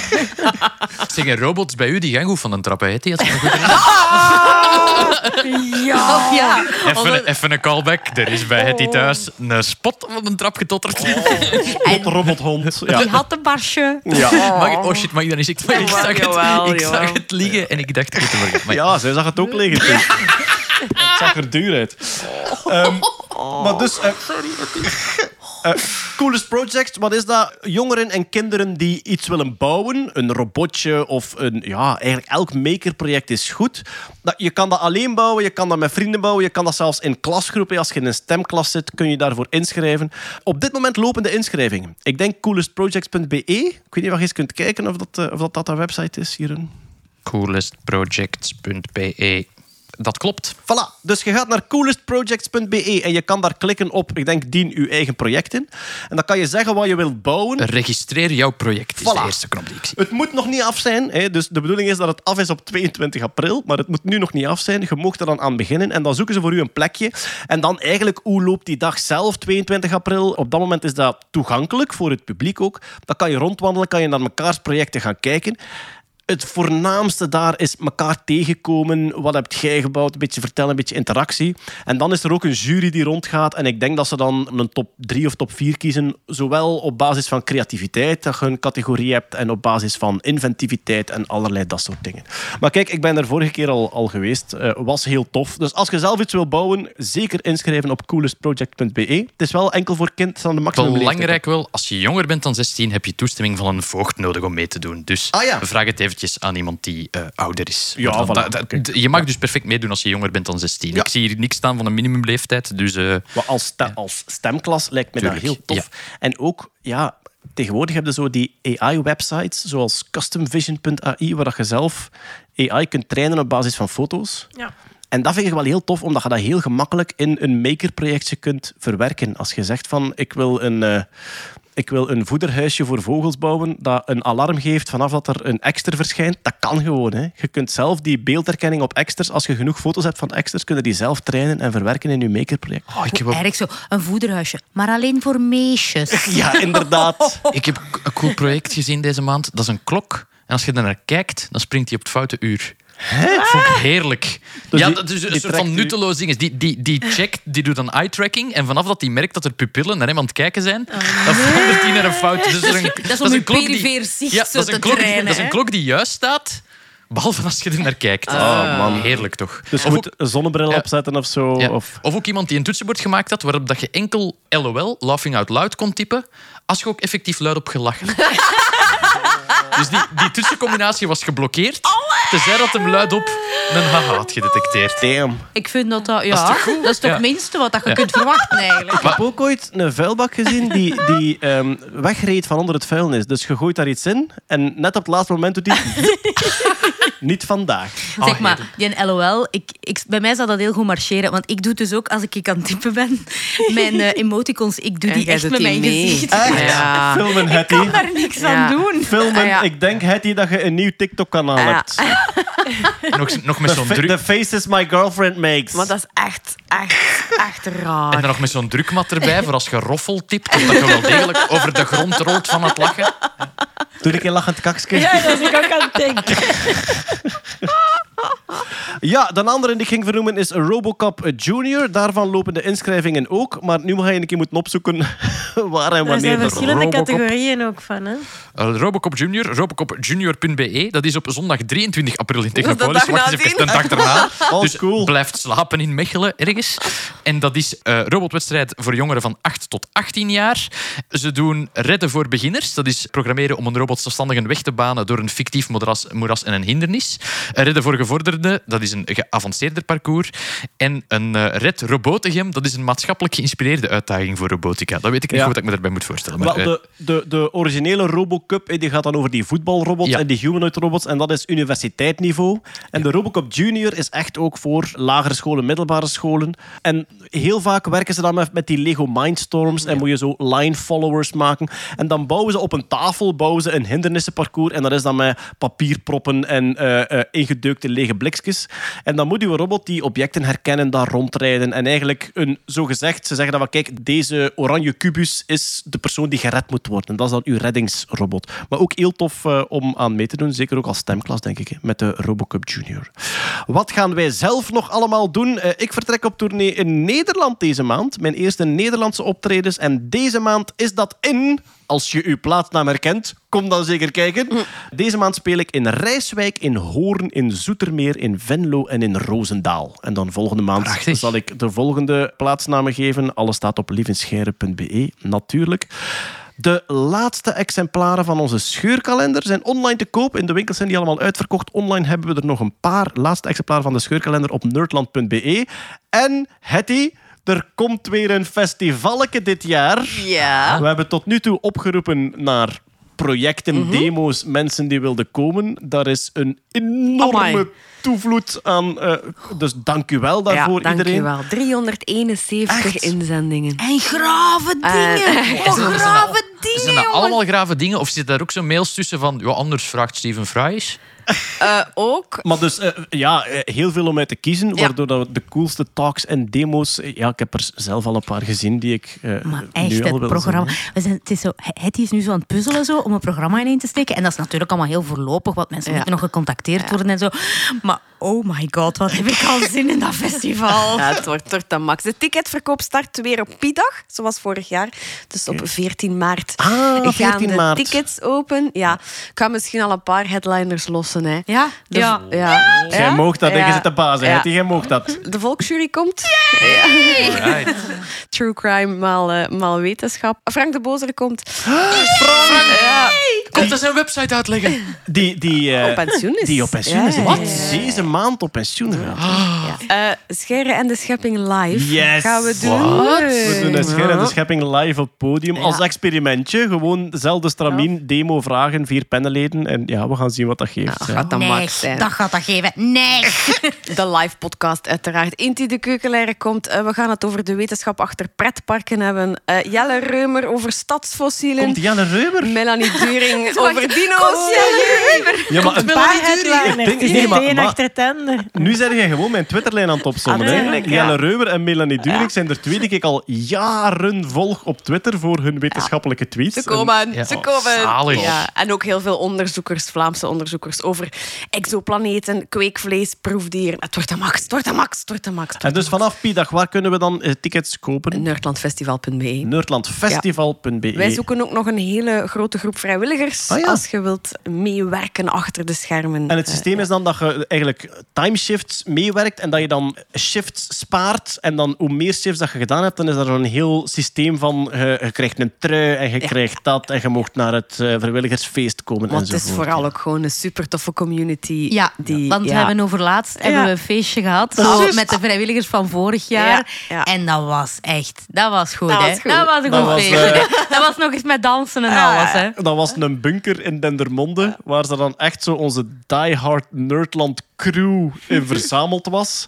En eh, DJ... ehm, 44. ja, het was niet Bobby Ewing, het was Nee. DJ44. Ja, voilà, die, heeft daar, eh, die is daar beginnen draaien. En ja, dat is daar wild geworden. Dat was op het festival ook, denk ik. De, bij de eerste dag of de tweede dag eh, of het s'avonds een beetje geregend. En de mensen die in de regen nog Ja. op de dansvloer stonden te shaken waren de vrijwilligers. En dat was echt, ja, dat was een En dat was topteam. bij diezelfde DJ en die Ah, draait dus DJ44. heel veel feestjes. En die zegt. De nerds zijn nog altijd zotste. Echt waar. De nerds zijn nog altijd zotste. Voilà, ze. Oké. Ja, ik, ik heb ook nog lezingen te verplaatsen. Ja, ja. Hier, Jeroen-baard.be. Maar jij komt ook naar het festival, hè? Ik kom ook, ik kom Ja, op festival, ja, kom ik ja, ook ja, lezingen ja. geven. Maar ik heb er nog ander. Boekt mij eens en dan kom ik het Maar eens kom een keer zien op het festival, hè, hoe goed Ja, dat hem het dan doet. En doet ja, dat dan voilà. voor u. Voor u. Wat zijn uw onderwerpen, Jeroen? Wel, ik heb nu een lezing over metaverses, maar gezien dat iedereen aan mijn mouw aan het trekken is van kunnen niet over AI babbelen, ben ik er ook geen over AI in elkaar aan het steken. Niet om daarmee onder uw duiven te schieten natuurlijk, lieve. ja. Het, is, het is een eerder kritische blik op AI en wat dat we ermee kunnen doen en dit en dat. En het is eh, ja, een ander publiek. Jij doet de, jij doet de cc's, ik zal ik de vergaderzaaltjes doen. hè. Voilà. Maar ja, Parochiezaal. De parochiezaal. bij Ja. mij is dat een, een, een zo breed entertainend mogelijke algemene intro. Ik neem aan dat jij er iets technischer door gaat. Ja, dat hangt af van het publiek. Oh ja. het, is, het, is, het is met de nodige... Ik vind het leuk om, om, om echt de, de lelijke dingen ook te laten zien, zal ik Ja. maar zeggen. Wat, wat dat het kan, wat dat het niet kan. Eh, dus ja, dat... In eh, kinderlezing heb je ook nog heel over computergames. ja, over videogames, die heb ik ook nog. Ja, waar vooral waar. veel appelmoes geschoten wordt. Ja, ja, ja, ja. Dat, Ja. de- we maken dan eh, een beetje tezamen een spelletje in Unreal. En eh, de kinderen mogen kiezen welke parameters ik instel. En vorig jaar zijn ze erin geslaagd, op het Nerdland Festival ook, omdat eh, het, het, eh, we waren al gekomen op het geweerschoot Triceratopsen. En ik vroeg dan, hoe groot mag de Triceratops zijn? En normaal wil ik een getal tussen 0 en 10. En het kind zei 200. En ik dacht van, ja, 200 dan. En het projectiel uit het wapen was zo groot dat het mannetje door het projectiel uit de level geduwd werd, onder de vloer belandde en te pletter stortte. En ja, dat is, dat is hilarisch voor die kinderen natuurlijk. Dat heb je met Een Triceratops. geweer dat je zelf onder de vloer schiet, dat, eh, ja, prachtig. Alright. Dan hebben we nog een sponsor. Ja, ja. Een echte sponsor. Ja. En de sponsor heet deze maand... Vinken. Vinken. Daar zit een verhaal achter, want we hadden een andere sponsor deze maand. De, Ah ja, die want spijtig dingen, genoeg, eh, spijtig genoeg de- Twitter, Twitter verkoopt dat voor 8 euro. Hè? Ehm, de- de- de- door omstandigheden gaat onze huidige, ging onze huidige sponsor op FT Plaats moeten afzeggen. En heb ik in mijn, mijn eh, oerwoud van mails gedacht van wat is er nu, zonder dat ik ga opzoeken, wat is mij van sponsors, want we krijgen heel veel sponsoraanvragen, waarvoor dank, wat is mij nu bijgebleven dat ik cool vond? En ik kwam uit bij Vinken. En wat dat Vinken eigenlijk doet, is een, dat is een familiebedrijf uit Harelbeke. Ehm, en wat doen die eigenlijk? Altijd goed. Altijd goed. Die zoeken eigenlijk reststromen bij een proces. Dus je hebt een fabriek Ja. eh, waar dat je, weet ik veel, eh, noten pelt. En eh, je haalt die pelletjes van die noten en die pelletjes die gaan normaal verloren. Die Ja. gaan normaal in de vuilbak of de compost. Zij proberen eigenlijk, dat is nu maar een voorbeeld, van al die afvalstromen nuttige dingen te maken die je verder in het proces nog kunt gebruiken. Laat het aan een West-Vlaams familiebedrijf om van afval toch nog geld te maken. Ja, maar er zijn wel schone voorbeelden. Ik herinner mij ehm, één, één bedrijf dat eh, champignons kweekt op ehm, eh, koffiegruis. Dus al, er, er is enorm veel koffiegruis elke dag dat uit het machine komt en weggaat en die daar dan champignons op kweekt. Wel, in dit geval Vinken doet met koffiegruis. Zij eh, vangen dat op. Dus eigenlijk het bezinksel gemaakt koffie, dat gruis dat overblijft, dat zo eh, vetzwart is en aan je vingers blijft plakken. Zij gebruiken dat als, als brandstof voor het extractieproces van de koffie later in het ding is. Dus ze ze hebben- gebruiken in het proces mee. Ja. zelf. Maar dat Ja. doen ze met heel veel van die dingen. Hè. Ze doen ook bijvoorbeeld met de zonnebloemschillen, is dat weer brandstof om zonnebloempieten te, te, te persen. Oké, ah, maar zij kijken Of ze- echt in het proces Ja, in zelf. doen heel gepersonaliseerde installaties in, in 90 verschillende bedrijven al Ja. en, en ik weet niet veel landen. Echt, je kan altijd zien, hier, wat is hier een reststroom? Wat verbruikt die? Of wat heb je nodig qua stroom of, of stoom of weet, brandstof? Het is, het is en een zo circuleren ze dat. Het is een cool ingenieurs, ingenieursproces ook, want ze kijken naar de niet voor de hand liggende brandstoffen. Dingen Die, waar dat andere mensen misschien van zeggen, ja, oké, dat is echt afval, dat moeten we gewoon weggooien. Zoeken ze toch een manier om dat te gebruiken. En ja, ik vond het enorm cool. Het is duidelijk business to business. Hè. Onze, onze consumer-luisteraars hier, die gaan niet zeggen van, ah ja, ik heb in mijn tuin ook iets dat ik wil... eh, Ja, maar die Maar die gaan kunnen het wel misschien cool zeggen, vinden. Hè? of die kunnen misschien zeggen, oh, daar wil ik wel eens gaan werken voor zo'n bedrijf. Ja, ja, ze Ja. zoeken gigantisch veel. eh, Overal, hè. ingenieurs. Zoeken ze werknemers ook? Ja. Ah, oké, Ah, wat- wel, dat Ja, is hem ja, net. ja. Ze zoeken onder, onder andere zoeken ze volk, industriële ingenieurs, bio-ingenieurs, burgerlijke ingenieurs, van het hele ding, van conceptueel tot coördinerend tot design van die Ja. dingen. Ook Eh, techni- sales managers ook. Ja, Ja, voilà. Het- is denk ik heel uitdagend. En ook, ja, het is echt out of the box denken. Hè, want je hebt een bepaald proces. En dat is ook iets dat ik altijd heel cool vind aan... Ja, dat is de reden waarom ik ook zo graag Factorio speel, fabriekjes maken. Computerspel, Het, ja. het optimaliseren van een proces en eigenlijk weten dat je alles zo optimaal mogelijk gebruikt. En hier een procent erbij en daar een procent erbij. Ik vind dat dat iets heel Dus veel eigenlijk- voldoening geeft. Eh, Dus enerzijds is de oproep naar bedrijven die zeggen van ah ja, wij hebben hier ook zo'n hele production chain en daar zitten ook afvalstromen bij. Die kunnen dan terecht bij Vinken om dat te optimaliseren. En als je nu zelf eh, technisch ingesteld bent of ingenieur zit of gelijk wat en je denkt van goh ja, is dat iets voor mij. Heel simpel. Even het spel Factorio spelen. Of even het spel eh, Space Cam is nog zo eentje. Ja. Space Cam is ook zo'n puzzelspel. En als je dan denkt van, oh, ik vind dat super tof om, boelen, om dingen te, te optimaliseren, dan eh, is Vinken het bedrijf. Zeker met het oog op de toekomst. We moeten allemaal een beetje af van fossiele brandstof. Ze zetten ook duidelijk in op, ja, het, is, Ja. eh, het, is, het gaat without saying dat als je je, je, je dingen die je fabriek binnenkomen zo optimaal mogelijk gebruikt, dat het ook beter is voor het milieu Yes. en voor de hele keten. Dus ja, ik vind, het was een bedrijf dat bijbleef, omdat ze, ze hebben heel veel coole voorbeeldjes. eh, schillen van cacaobonen als brandstof voor de persen, waarmee dat die cacaobonen geperst worden. Dat is cool, hè. Je schilt een boon en dat gaat in een zijstroomje en, en tien minuten later wordt dat gebruikt als brandstof om die boon te pletten. Ja, Henk- ik vind dat Henk super cool. Rijkaard- Henk Rijkaard heeft ooit een grasmachine gemaakt die draaide op gras. Ah, voilà. Ja, Ja, ja, maar dat is ik weet niet hoe- efficiënt dat was. eh. Dat was niet heel efficiënt, maar het was eigenlijk... ehm, ehm, onze droom was, dat was in de tijd van de schuur van Scheire, onze droom was om het circulair te maken, maar dat ging niet. En wat heeft hij uiteindelijk gedaan? Ehm, het gras dat gemaaid werd, heeft hij gedroogd en dan, ik denk, pellets van gemaakt en die ehm, laten vergassen. Vroeger hadden we van die houtgas, houtgasmotoren en op die manier is het dan wel gelukt. Ja. Wat, wat als er helemaal op het einde nog bij zitten, misschien voor sommige mensen ook belangrijk om daar te gaan werken, is dat ze op hun eigen site in Harelbeke een Finse piste, een padelterrein, petankvelden, een, een fruitpluktuin en een wijngaard hebben. Ja, er is padel. Alle naar daar. Allemaal van okkernootpellen gemaakt. Ja. Padellen en groene stromen verzinnen, ja, dat klinkt geweldig. Dus ga eens kijken op eh, vinke.com. Daar zijn ook VYNCKE. Dat klopt. En eh, ja, bedankt om ons last minute nog te sponsoren, Vinke. Eh, de- de- ik moet de mensen daar bedanken om zo snel met mij te coördineren en dit niet voor de hand liggende onderwerp toch behapbaar te maken voor ons. En we zijn zeer content. Ga daar eens een kijkje pakken. Ik denk dat dat een bedrijf is met een, eh, ja, een tof dingetje.